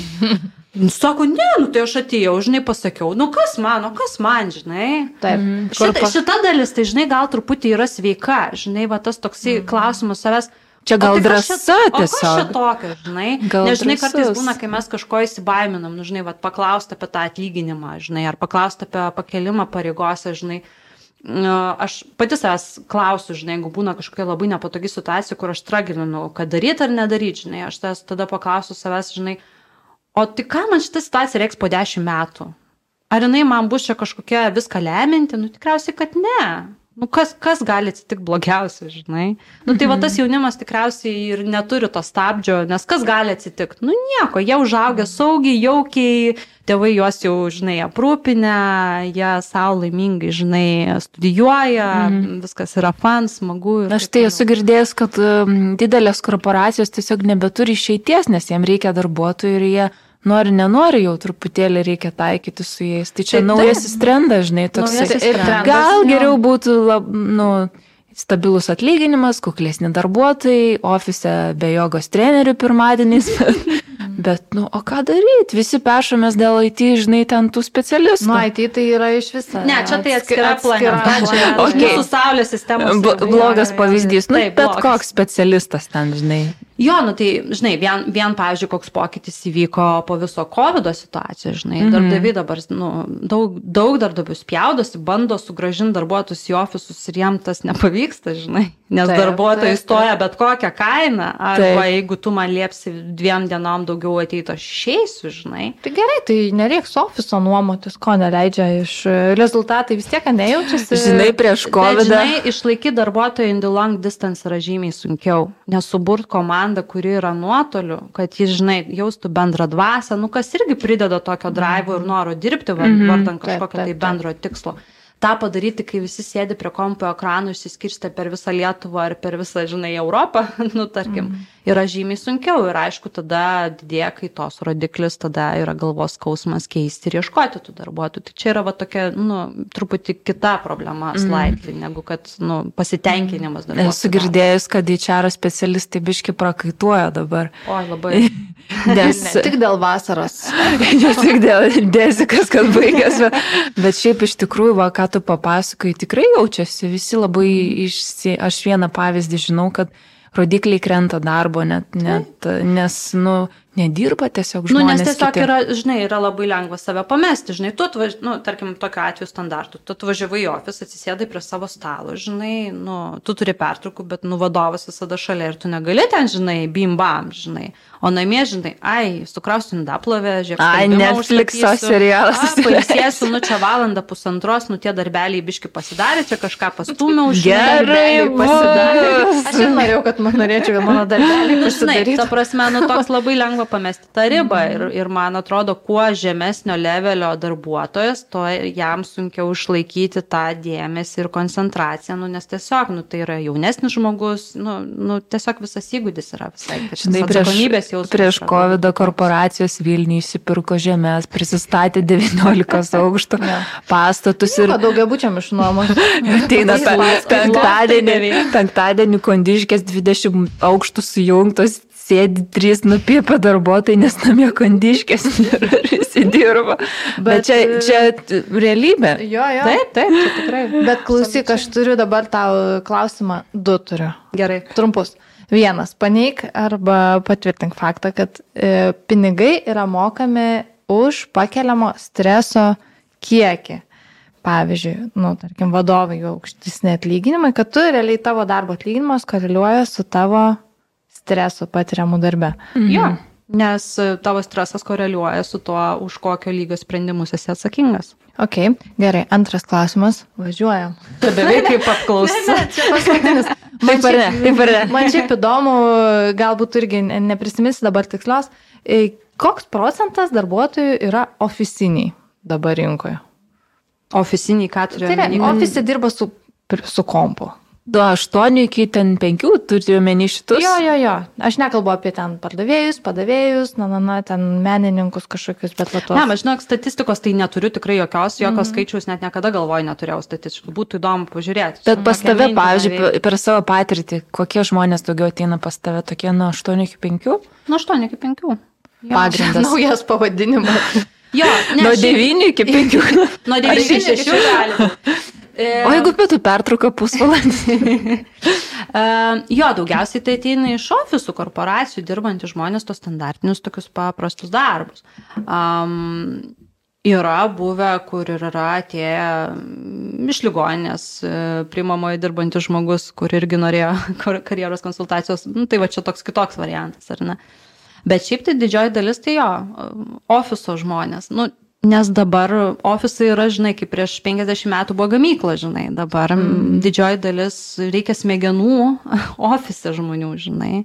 Ir Vilniui tai ta koncentracija tų centrų, ofisų, dievaži, nu čia yra milžiniška ir jie savo poreikių niekaip nesugeba patenkinti, jie jaučia didelę spragą, jiems trūksta žiūrinai mm. žmonių, ten atvirų pozicijų, tų FTI vadinamų, nu yra dešimtim ir šimtais, kurie tiesiog, kaip aš sakau, yra toks konvejeris, žinai, bandai užpildyti, užpildai vėl reikia, bandai užpildyti, užpildai vėl reikia. Kokių pozicijų jau netrūksta? Kokių pozicijų netrūksta? Visada kažkoks išskiria ten, kai prasideda, pavyzdžiui, studijų metai, ten statistikos visokios eina, kur ten sustojo kas mokytis. Žinau, kad ten IT visą gyvenimą trūksta, ten įmonės fizikų, visokių chemikų trūksta. Ko netrūksta? Socialinių darbuotojų. Plema, žinok, nu ir tų trūksta. Tai apie ką kalba žiniuose, aš nesuprantu. Aš nesuprantu. Um, Ne, matai, nu, aš, aš susiduriu su tais, kurių trūksta, žinai, aš nesisu, nesusiduriu su tais, kuriuos lengva surasti, žinai, nu, mhm. aš visgi esu tas žmogus, į kurį kreipiasi, kai jau praktiškai atrodo misija neįmanoma, žinai. Gal tiesiog trūksta gerų darbuotojų. Šito tai visada trūksta, žinai, arba nesutampa lūkesčiai, žinai, darbdavys nori e, tokio, kuris pris, prisieks užsidės žiedą ir sakys, aš čia dirbsiu dešimt metų ir tau prižadu niekada neišeiti. Bet ar, dirbsiu." ar yra dar tokių, nes mes taip kalbam tokiu, žinai, lygiu, atrodo, kad jau nebėra. Bet visgi dar tokių gajų istorijų yra tokių, Yra, žinai. aišku, kad yra, yra tikrai, nu, tai yra mūsų mentaliteto dalis, nu, taigi vadovauja tie patys lietuviai, ar ne, su ta pačia istorija. nu, Kaip priema tokius vadovus į darbą? Toks pat vadovas? Toks pat vadovas priema. Dažniausiai kultūra jau apie tai, žinai, signalizuoja, žinai, jau dažniausiai pati organizacija ant to stovi, žinai, nu, a- organizacijos vertybė, žinai, yra kitokia negu... Šiaip geras pointas, reikia visada žiūrėti vertybės irgi organizacijos. bet žiūrėk, Jo, bet ne į tą, žinai, Neužsi- neužsita lentoje. Neužpudrinti, žinai, žinosi. smegenų, ten, pavyzdžiui, man žada didelį žiaurį atlyginimą, bet po to gali būti ir Arba kiti. visi labai tolerantiški. Žinai, jeigu žada, jeigu, žinai, žada du kartus didesnį negu rinko atlyginimą, aš klausiu, kodėl jūs man tiek permokat, žinai, kame čia kablys, ką aš turėsiu, žinai, daryti papildomai, trenerio pirmadieniais. Bet klausyk, aš noriu tavęs paklausti, e, tu vis sakai, ateina pas tave konsultuotis, tas ir anas, bet e, tu sakai, kad taip pat turėsi mokymus.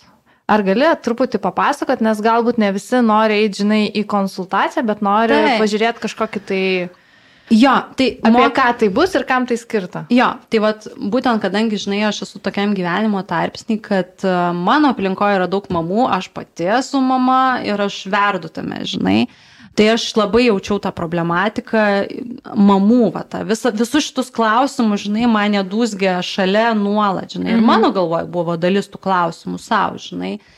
Ir man atrodo, kad visgi mam, mamos e, yra tam tikroji nu, išskirtiniai situacijai, lyginant su kitomis darbuotojų grupėmis. Ir aš dėl to nusprendžiau, kad labai svarbu yra skirti mokymus būtent mamom. apimant jų problematiką, apimant jų klausimus, visą tą patį, ar ne, grįžimą į darbą, darbo keitimą, identiteto paiešką ir apimant ir praktinius atsakymus į klausimus, mhm. kaip pasiruošti savo CV, kaip apibriežti tą motinystę, išėjimą į motinystę, ar ne, jeigu čia yra šeši metai, kaip čia yra teisinga, kaip man komunikuoti apie save.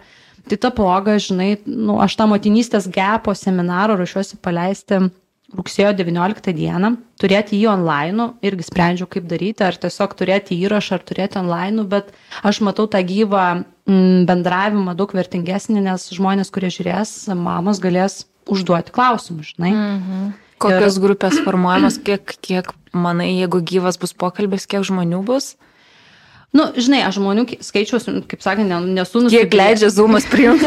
nesu, nesu nusibrėžęs, bet nu, vis tiek aš manau, kad nu, visų, visų tai ten jau nesutalpinsim, nes neturėsim progos, žinai, paklausti tai klausimus. Iš kitos pusės, nu, aš manau, kad kurį laiką aš būsiu available atsakyti į klausimus dar ateinančius paskiau, ar ne. Mhm. Tai Tai va, tai rugsėjo 19 dieną, 13 val. kviesiu jungtis mamas a, į mano mokymus ir paklausyti apie tai, kaip grįžti po motinystės gepo į tą darbo rinką ir kaip susidėlioti viską taip, kad nebūtų nejauku ir būtų didesnis pasitikėjimas savimi ir žinočiau, ką darau. Žinai. Kokios trukmės maždaug bus? Mhm. Apie valandą su pusę kažkur. Nu, Čia bus viena sesija? Viena, viena. Mhm. Tai bus toksai bendras koncentratas, žinai, iš esmės tai, kad tu galėtum gauti atėjus į konsultaciją pas mane. Nu, aišku, vis tiek tai jau bus generalizuota, tai nebus taip, taip, pritaikyta kiekvienos e, situacijai, bet toksai bendras koncentratas tiek tokių, na, iš coachingo žinių ar ne tokių mhm. savistabos klausimų, tiek visiškai tokio ekspertinio, mhm. a, ekspertinių žinių iš mano pusės, ar ne, kaip į tą darbo rinką sugrįžti, kokie gali būti iššūkiai, kaip dėrėtis dėl atlyginimo, kaip pasiruošti gyvenimo aprašymą, kokį turėti tą pokalbį prieš grįžtant, ar ne, ir ką daryti. Arba išeinant iš darbo. Taip, arba jeigu aš nenoriu mhm. grįžti mhm. į tą darbą, žinai. Tai toks visiškas koncentratas visko po truputį, kad galėtum susidėti tokį bendrą vaizdą, įsikvėpti, gauti naujos informacijos, kurią galėsi tikrai praktiškai pasinaudoti ir nu, panaudoti savo tam tokiam pasiruošimui, grįžimui į darbą. Mhm. Tai man atrodo, čia yra visiškai nepadengta tema, niekas apie tai nešneka ir man atrodo, mhm. čia yra tam tikrų niuansų, kurie kitais atvejais negalioja. Na nu, tai, tai, tai puikiai rodo klausimų kiekį, žinai, kurį mhm. gavom. Tai, ir man labai patinka, kad Aurelija yra tokia iki auksinio kiaušinio dvi pusės, žinai, praktikė, kuri dirba, vat, būtent, žinai, ir tada iš psichologinės pusės irgi žmogus turintis daug žinių irgi dirbantis. Tai šitokie specialistai nesimėta pakelėse. Mėtasi tik pas mano rūpis veiks. Jo, jo, ir kadangi aš, aš esu pinigų vergė. Kiek kainuoja tavo mokymai? 25 eurus kiekvienam įkandamas tikrai. Skaičius. Oi, mamom tai čia tikrai. tikrai nu, labai... nu, tai, tai yra ta kaina, kurią realiai sumokė, ar ne, už tą prisijungimą, už tą vat, visą, visą žinių bagažą. Ir už galimybę užduoti klausimą. Taip, ir už galimybę užduoti klausimą. Žinai, a, lygiai taip pat paraleliai kiekviena gali pas mane ateiti individualią konsultaciją. Kiek, kiek individuali? individuali. Tai karjeros individualiai, jeigu ekspertinė, tai 95 eurus kainuoja, mhm. nes mes... Kokia trukmė konsultacijos? Valanda, pusantros irgi priklausomai nuo poreikio, kiek mes ten išsigilinam, kiek mes ten turim ko nuveikti. E, turinys būna skirtingas, kartais mes vien tik tai prakalbam apie gyvenimo aprašymą, jeigu tai yra šis kitas, kito, kito, kito kitose konsultacijose. Svarbu, žodžiai pinasi valam. Bet svarbu atsinešti konkretų dalyką, ką tu nori išspręsti pas tave, net nu, tai kažkokią temą. Tai aišku, reikėtų mhm. turėti, nes kitaip mes skirsim laiką to gilinimui, žinai, ir tada gali nelikti laiko kažkam kitam kas gali būti irgi variantas, galim susitikti antrą kartą, žinai.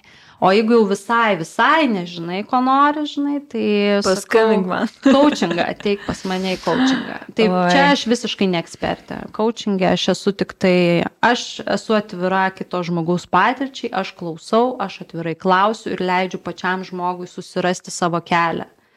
Ir čia, aš, čia tas, kuris sėdi prieš mane, žino geriausiai. Ne, mhm. aš, aš, aš nieko nežinau, žinai. O kiek reikia laiko coachingą, norint jau tai praktikuoti? Kiek tau metų užtruko? Matai, aš coachingą būtent specifiškai praktikuoju pirmus metus, bet pokalbius ir interviu ir aktyvų klausimą aš praktikuoju beveik dešimt metų kitam formate. Mm. Interviu, ja. asmenybės vertinimuose, nes karjeros kontekste man tenka. O, koks geras šitas. Daryt. Jo. asmenybės vertinimą. Jo, va, šitas labai. Tuoj man- mušiai įvertina. Jo, manau, kad įvertino. jo. Sakys, va, ko jūs negaunat. Pašnekėsim po laidos. Tai va, tai tą tokį, žinai, apskritai tą įgūdį išugdyti čia yra svarbiausia tas aktyvus klausimasis ir neįkišimas, žinai, savo nuomonės. Tas yra žiauriai sunku nepatart. Žinai, nes Noris, ane? Labai norim patart, žinai, nes, nu, žmogaus tokia prigimtis lyg ir tau, nu, aš tau labai noriu padėti. Nu, žinai. O nebūna taip, kad sako, nu, ką jūs man patartumėt? Ir tada būna. čia ta darbo etika tavo turi Ne, kažkaip. aš nepatariu, mes ne to susirinkom, žinai. Aš, to, aš visą laiką sakau, aš galiu patarti, bet, žinai, Užsispyrus, nu. Taip, žinok, žinok, tikrai. Aš ne visada patogius atsakymus pateikiu. Ašgi žinai- pinigus sumokėjau. Tai, žinai, aš visą laiką pradžioje sesijos ar pradžioje bendravimo nubrėžiu aiškis ribas ir aiškius lūkesčius ir paaiškinu, mm -hmm. kuo coachingas skiriasi nuo psichologinio konsultavimo, kuo jis skiriasi nuo mentorystės ir kuo skiriasi nuo, tarkim, karjeros konsultacijos. O kuo skiriasi mentorystė nuo coachingo? Mentorius, mentorius yra savo srities ekspertas, jisai dalinasi savo žiniomis, jisai mhm. ateis ir pasakys, žiūrėk, tu nori sukurti verslą, aš žinau, kad planas B, C, D tau veiks geriausiai, imk. O tu pažįsti tokių? Man, kad mums reikėtų kontaktų. Aišku, kad yra. Žinai, kodėl aš paklausiau apie coachinę, nes e, buvo klausimas apie coachingą, kaip Mhm. tapti, ir buvo kaip HR specialistė, e, vadovė tapti, nuo ko pradėti. Tai, tai dėl to aš užvedžiau ant šito. Tai žinai, coacherė tapti yra sertifikaciniai mokymai, žinai, bet aš visą laiką sakau, kad e, labai didelė nauda, kurią aš pajaučiau, yra tas visas psichologijos backgroundas, nes be to fono, nu, nu viskas taip išplaukia, žinai, man dabar viskas susidėjo yra į vieną bendrą mm. dėlionę, žinai, aš iš visų sričių naudoju savo žinias per coachingą. Tai tam yra sertifikaciniai mokymai, kurie yra su praktika, su teorija, nu, žodžiu, tai yra tarptautinis sertifikatas, kurį gali pasiekti, ar ne? O HR vadovė, tai, nu, reikia pradėti nuo žemo levelio. Nuo atrankų daug kas pradeda, nes čia toks smagus juodas darbas. Kiti pradeda nuo administravimo ir tą bagažą kaupėsi. Aišku, išsilavinimas žmogiškų išteklių psichologijos dažniausiai būna pas tos žmonės, bet dabar ir tai ne visada. Mhm. Ok, nu čia visko daug Gerai, labai, labai kalbėjom. įdomus pokalbis, labai. Jo, labai tau ačiū, kad Ačiū. atėjai, turbūt nenorėsi kalbėti keletą valandėlių. Tai va, gerai, tai Kvieč- ačiū, jo. kad mūsų klausėt Ir kviečiam ir į kviečiam į mokymus. Aurelijos mokymus. Taip. Jo. Kviečiu tikrai naudingai. Ai, dar pasakyk, nuo kada registracija ir kur ieškoti. Tai uh, ieškoti www.pokyčiocoachingas.lt. Mhm. Lygiai tokia pačiu pavadinimu pokyčio coachingas rasit ir mano Instagramo paskyrą, kur aš mhm. beje tikrai atlapą širdim dalinuosi visokiais praktiniais saviugdos patarimais ir praktiniais pratimais, kuriuos gali taikyti kiekviena savo savo kasdienybėje. Mhm. Ir, na, iš esmės jau manau, kai šitas podcastas išleistas, tai jau tikrai ta registracija bus įmanoma ir galima ir labai paprasta kelių mygtukų paspaudimo mhm. būdu, žodžiu, įsigyti tą bilietą į tą didesnių žinių bagažą. Ačiū Gerai. labai. Tai ką, ačiū, kad klausėt ir iki kitų kartų. Viso gero.